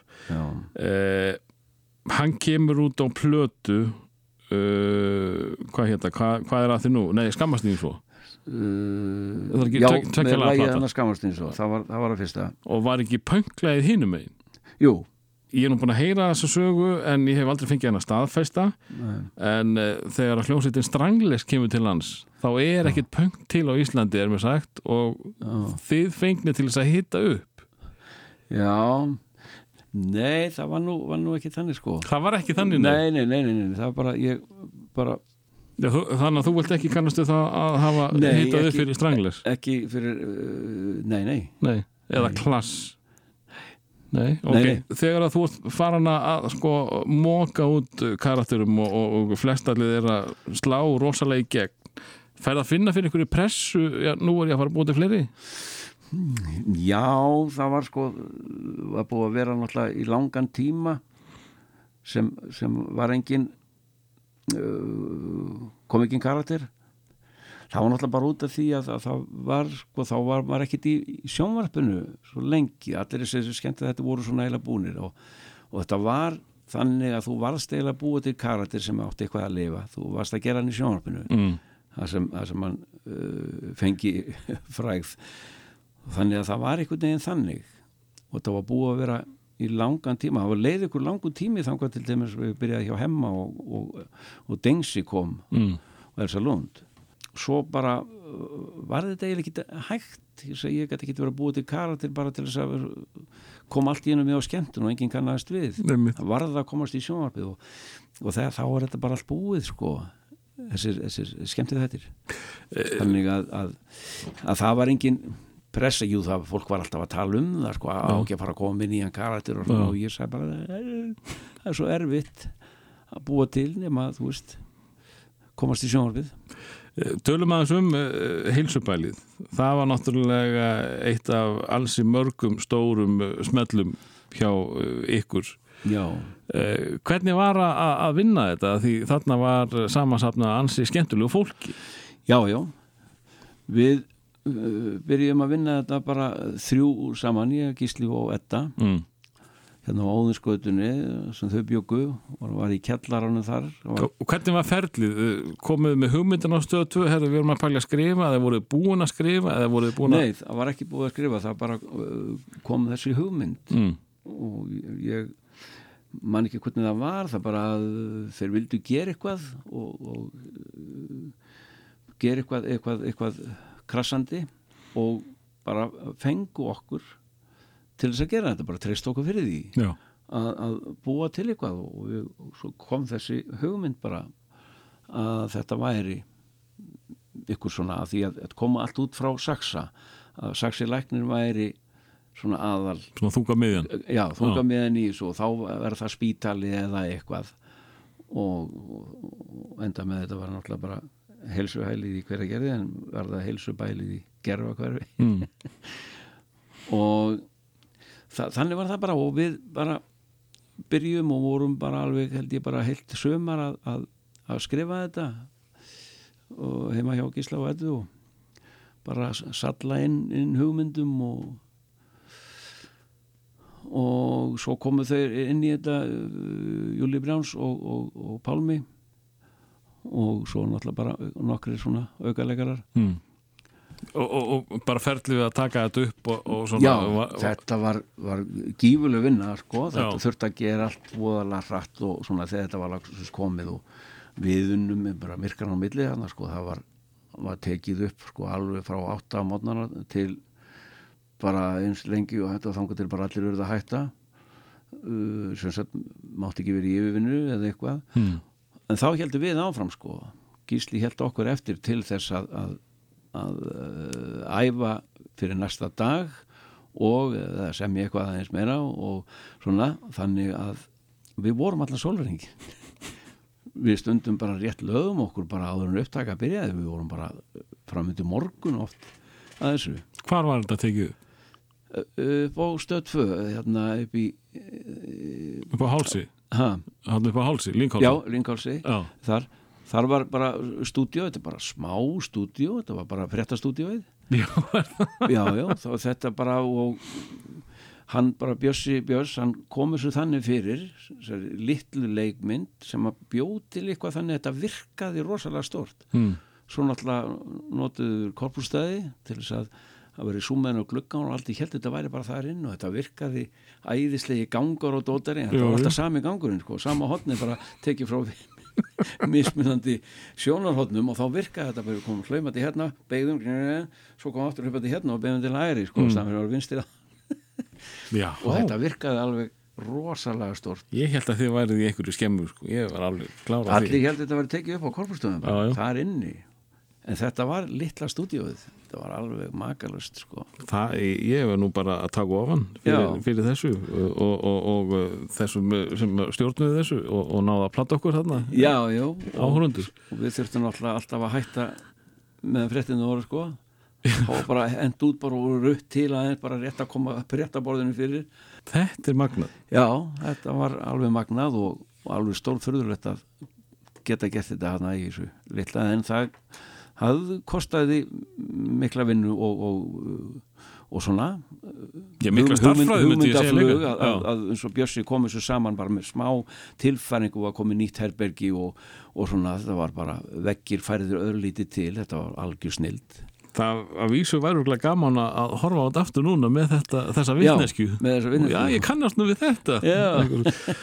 Eh, Færum okkar aðeins yfir á, á hérna hemma gunn árin. Eh, því eh, sko- sko hemmi er náttúrulega eindislegu maður og, og, og skemmtilegur en, en Já.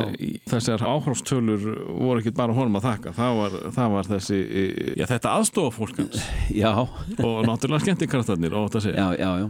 en var ekki Elsa Lund á undan dengsaða einhvern veginn ráma mig það, það skiptur ekki þú mál En jú, það getur vel verið. En hvernig, hvernig Jú, er það ekki, jú, hún var á undan. Ég, ég er alveg hrikalegur ég, þetta uh, rennur allt saman hjá mér. En já, það var þannig, maður náttúrulega var búin að gera þarna uh, helling og, og, og hérna Bjössi Emils var, var með hemmagunn þá. Mm. og Varstu með frá byrjun? ha, Varstu með frá byrjun? Nei, Nei. ekki alveg það, það var ekki alveg það bara vantaði eitthvað, honum fannst vant eitthvað inn í þetta Mm. og talaði við mig og sagði bara, við vil fá þig endilega til að koma og, og hérna vera svona koma inn á hemma og, og, hérna að byrja um að búa til konu ég sagði nei ég, varstu beðin um að vera kona. Já, Já. nei sagði, ég, það er svo hallarslegt að kall að, þú veist þetta var gert hérna í gamla dagar svona, og, hér að smótonum og svona. Einmitt. og farið í kvennmannsföt og óbáslega fyndið. Það sagði nei það er ekki svoleiðis. Þú átt að vera alveg óbáslega smart flott kona. Ég sagði nú ertu að djóka ennþá meira. Hvernig er alltaf að gera mig smart. Já, Ragnar Forsberg hún sér það? Já, já Á hún útlitið? Já, svo bara settust við í stólinn og fórum bara að spekulera hvers konar dama þetta væri. Og e, svona, og komum svona samkominlega um þetta væri svolítið svona sambland af, af röggu gísla að því eins og hún Dóra Einars klætti hana upp svona fríkað. Og svo var önnur önnur kona sem vann í sjónvarpinu Rósa Engóls Já, og byrjuðum út frá því bara, þetta væri svona sambland af, af þeim, klæðinaðina svolítið eins og, eins og uh, rakka og þetta dökka hárið og allt þetta og, og, og rakka bara að byrja á þessu og byrjaði bara að spasla í andlítið á mig bara og, og mála og mála og, uh, tók ykkur á kollu sem hún klifti eitthvað til og lagaði bara. Þannig að hún á algjörlega þetta útlit sko. Já, og hérna og það þetta var mjög undarlegt þegar maður stóð upp og svo átti ég þessar tennur ég let smíða upp með þessar tennur þegar ég leik í litlu hryllisbúðinni ég leik tannlæknin já. því hann var að vera með fallega tennur er, átti þær til er þetta þær? já, og ég sagði ég get ekki verið með svona og Já. falleg kona hann ég náði það og það breytti öllu og þá kom þetta flotta bros og svona og enda með því að, að Elsa var svona bara nokkuð góð, ég var svona sátt við að leika svona einhverja kellingu Mm, já, ég meina, hún var Já. ofsalega vinsæl. já, já, Hún fekk ekki að syngja hjá þér þá okkur plötuðu það? nei hún hefur aldrei fengið að syngja veginn, ég fann ekki eitthvað flöt á því Nei. ég var að reyna að finna það að hún myndi syngja eitthvað en ég fannst að erði eitthvað voru að skrítið þannig að hún fekk aldrei sjanskreið En, en þessi tími eh, með hemma, hvað hérna, það var náttúrulega alveg óbúslega gaman það var mjög skemmtilegt sko.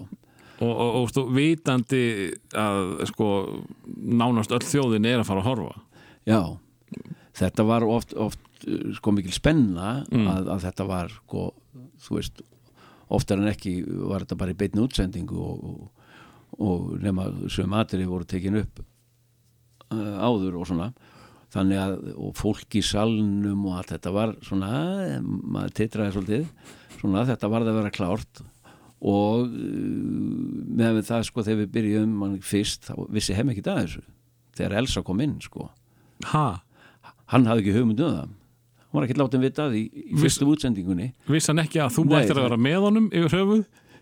ég uh, held ekki sko. Hann bara þetta kom óvart eh, þegar Elsa Lunda kom inn hvort, hvort það var búið að tala um það að ég myndi vera eitthvað, ég man Mm. það ekki en, en, en Elsa hann hafði ekki hugmynd um það ætti að vera ykkur, ég ætlaði að leika ykkur á konu Já.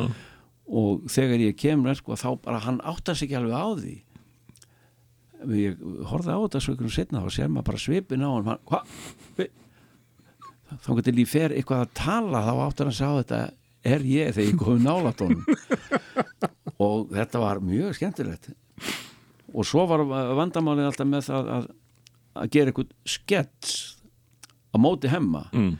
því hann mátti ekkit vera að því að fara að læra eitthvað skilur við þannig að ég var alltaf að skrifa þetta þannig að ég talaði sem mest og ég sagði bara hemma, þú veist að segja bara já og, nei og bara vera hann sjálfur. Og, Og ef- svolítið? já, ef hann kæmi með eitthvað þá verði ég bara að redda mér út í því en ég væri svona með grunninn nema einstakar sem það sagði þú verður að mun eftir þarna að segja eitthvað eitt orð Svo þú getur botnað það? Já, svo ég geti botnað eitthvað og það er oftast nær klikkað en ég kom í einhvern veginn að öðruvísi sko, þannig að ég bara reiknaði með því því hann var allur bara á nálum að bara að læra og gera það sem hann þurfti að gera hann sagði ég get ekki bætt þessu við sko. Mm. Þannig, þannig að þetta, þetta samspil ykkar e, í þáttunum eh, var aldrei feik. Nei, þetta, þetta var bara improvisera sko. Já. Stundum virkaði það svolítið vandræðilegt eða styrt og Já. þá var það bara vegna þess það að... þetta, þessi að, já, það var bara ekkit búið að, að uh, sem sagt æfa það þannig það, hann hafði ekki tíma til að æfa það heldur sko, Mm. við bara segi ákveði, ég kem þarna inn og eitthvað svona og ég ætla að tala um þetta eitthvað og uh, svo var það bara gert og hann reyndi bara að gera og stundum var bara sögðu bara við improviserum eitthvað núna sko.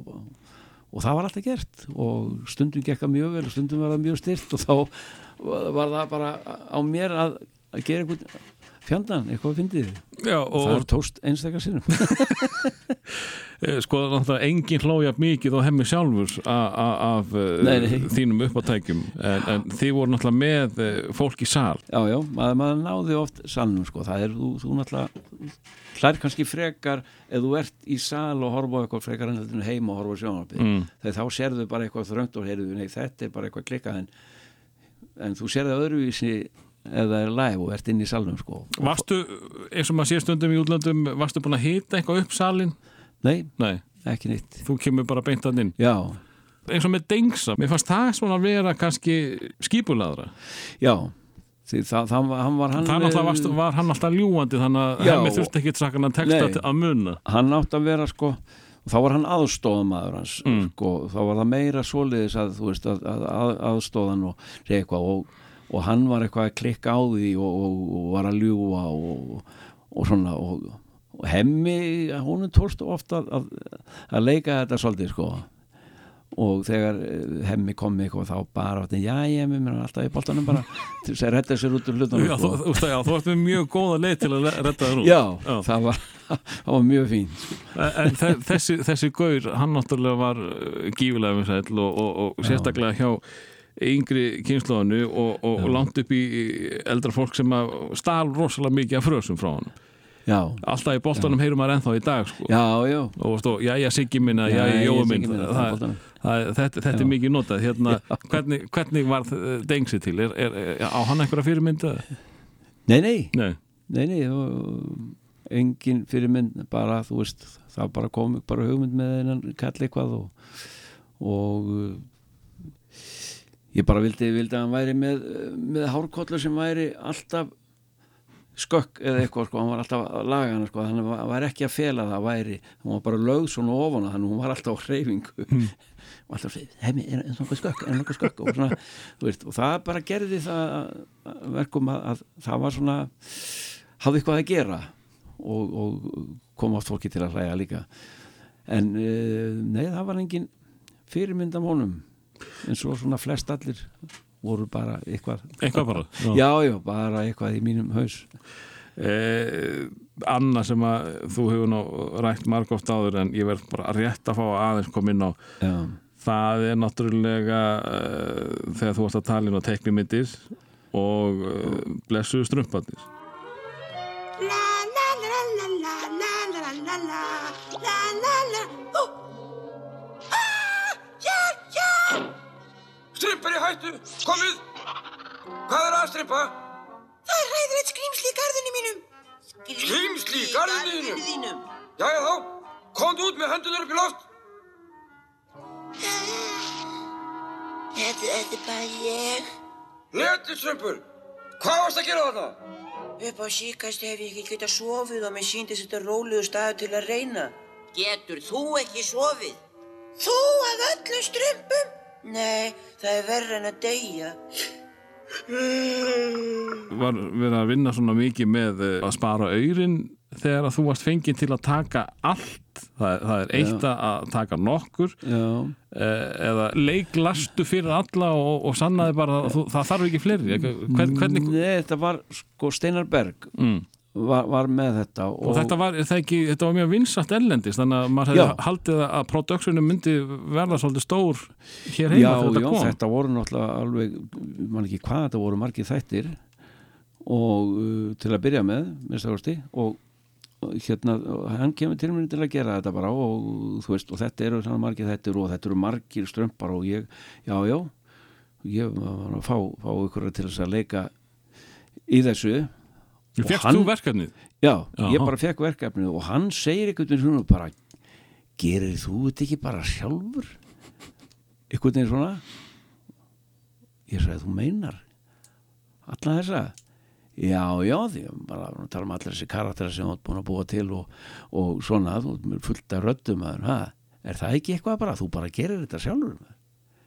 og þá fannst mér þetta svo óbáslega skemmtilega áskorun Já, að gera þetta og ég bara uh, fer að stað og, og fer að að skoða þetta og hvað eru margir, þetta er aðal hérna og finn röddin á, á, á, á hann hérna aðstað strömpin og, og svona Ó, í strumpur. Sjáðu auðmikið veiku plöntuna mína. Hún er svo krumpin. Heldur hann sína smitandi? Nei, Hekkumborströppur, farðu bara heim og slakað á. Ég skal gera það sem ég get fyrir hana. Jæja, hvað leta þessi strumpið þið fá? Mikstúru, duft eða... Hann sagðist ekkert geta gert.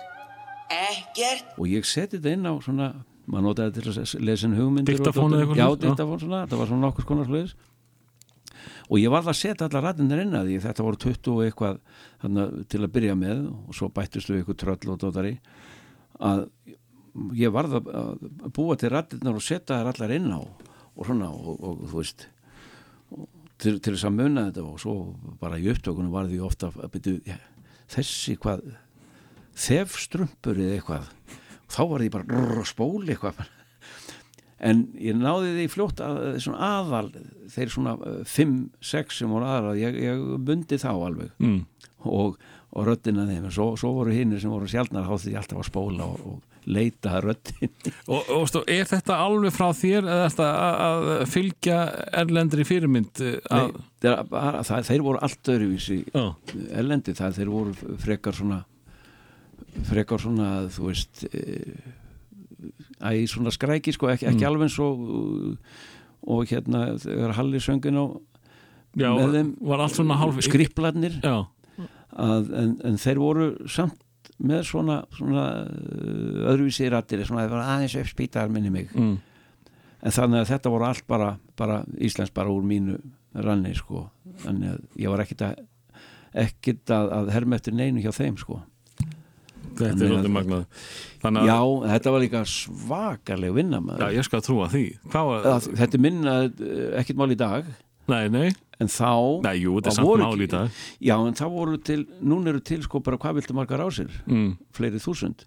En þarna vorum við bara með í raun og veru sko tvær eða kannski fjórar ásir, voru ekki nema bara tvær ásir. Og ég þurfti að taka sko uh, annarkot strömp sem, sem tala við sjálf að því ef, ef maður klikkaði eitthvað þá þurfti maður að fara tilbaka og byrja aftur. Þetta var bara svo sveitalegt þá og þetta var svakalega vinna hjá okkur. Og það oft þurfti bara að klippa því maður gæti ekki farið alla leið tilbaka. Og svo var maður að- alltaf að, að hérna, finna eitthvað nýtt út úr þessu. Og til þess að flýta fyrir. Og ég var með handritið og ég lagaði það til og, og svona. Og svo tók ég annarkot strömp sko. Mm. og, hérna, og svo hinn rásinn hinn sem svara á móti. Já, ok. Já þetta var alveg hrikalegt maður. Það, það, og svo var ég komin yfir í það að geta tekið þá bara báða láta þá tala saman sko. Bara í já, live svissaði yfir bara. Já, ok. Á, og það tóst stundum sko í ykkur smá tíma. Og gáttu við stoppað og, og, og.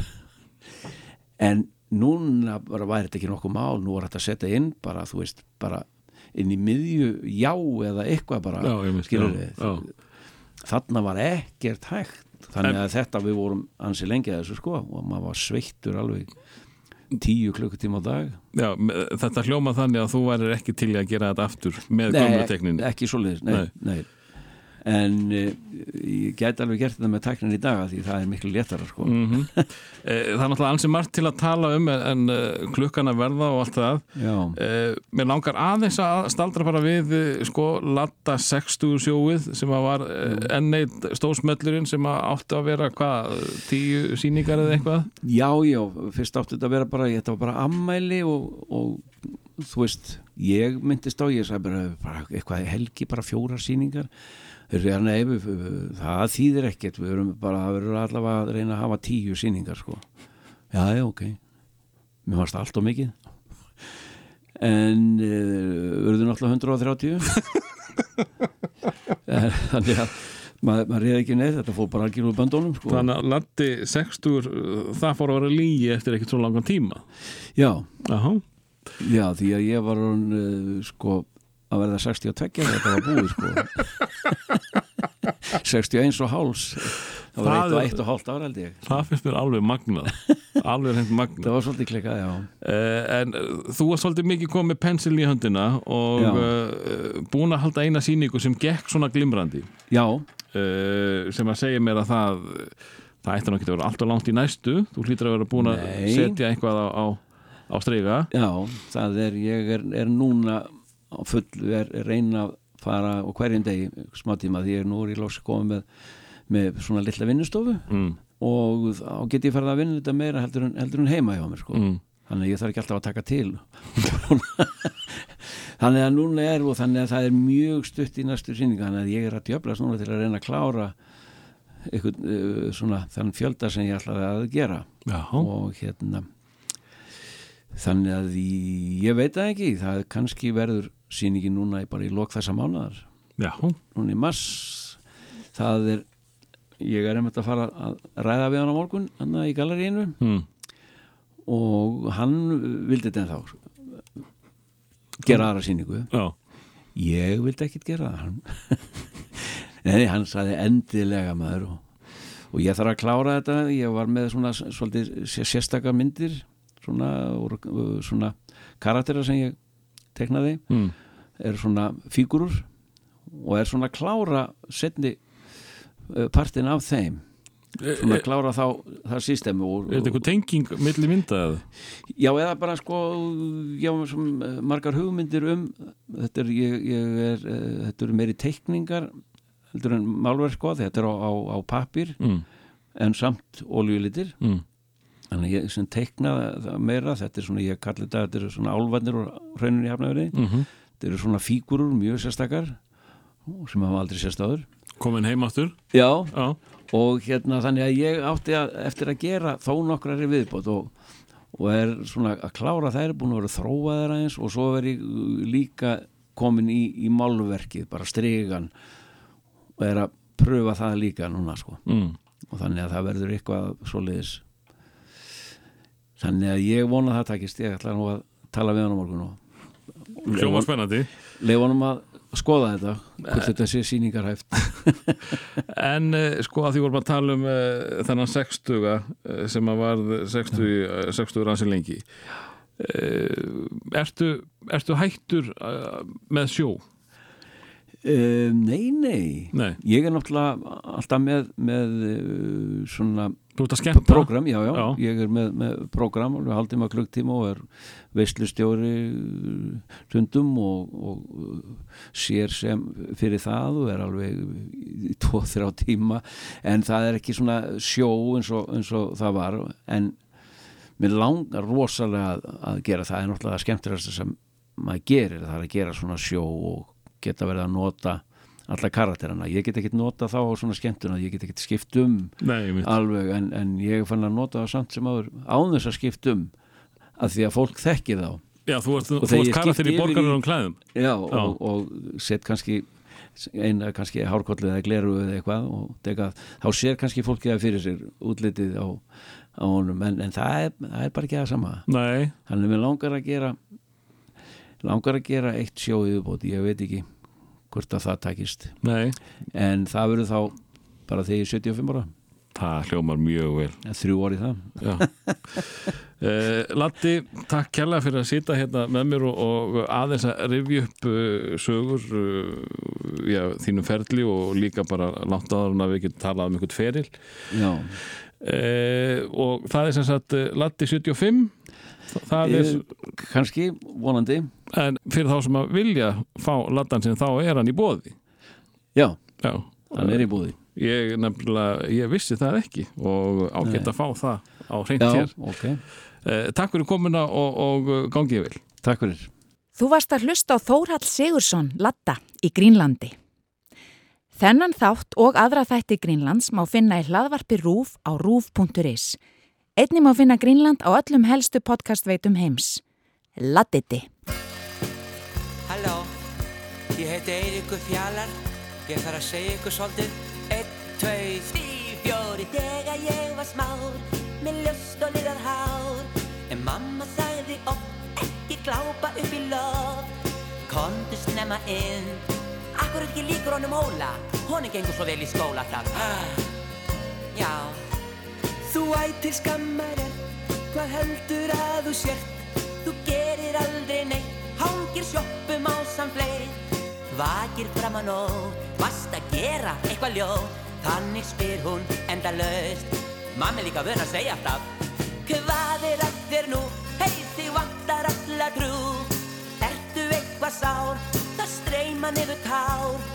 Þetta er ekki neitt Þú getur þessu breytt Æ, og skammastu þín svo Já, blik, við ætlum að taka smá sóló Hey, haha Woo!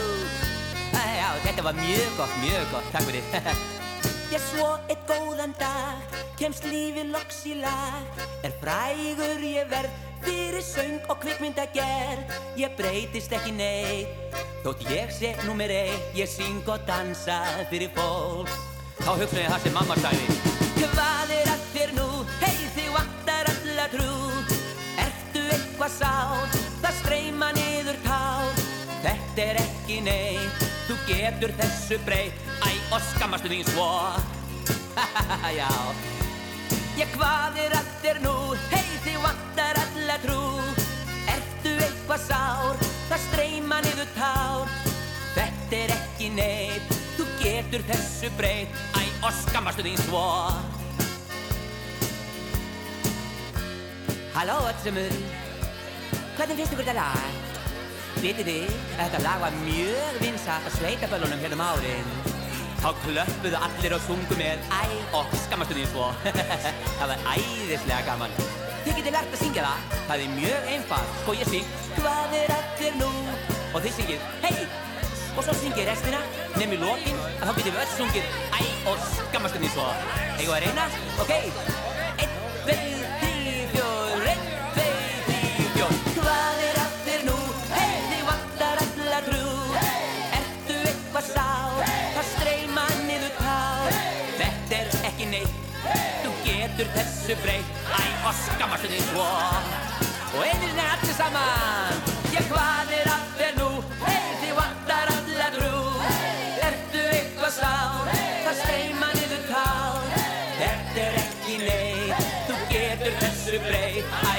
Og skammastu þín svo Og einu sinni enn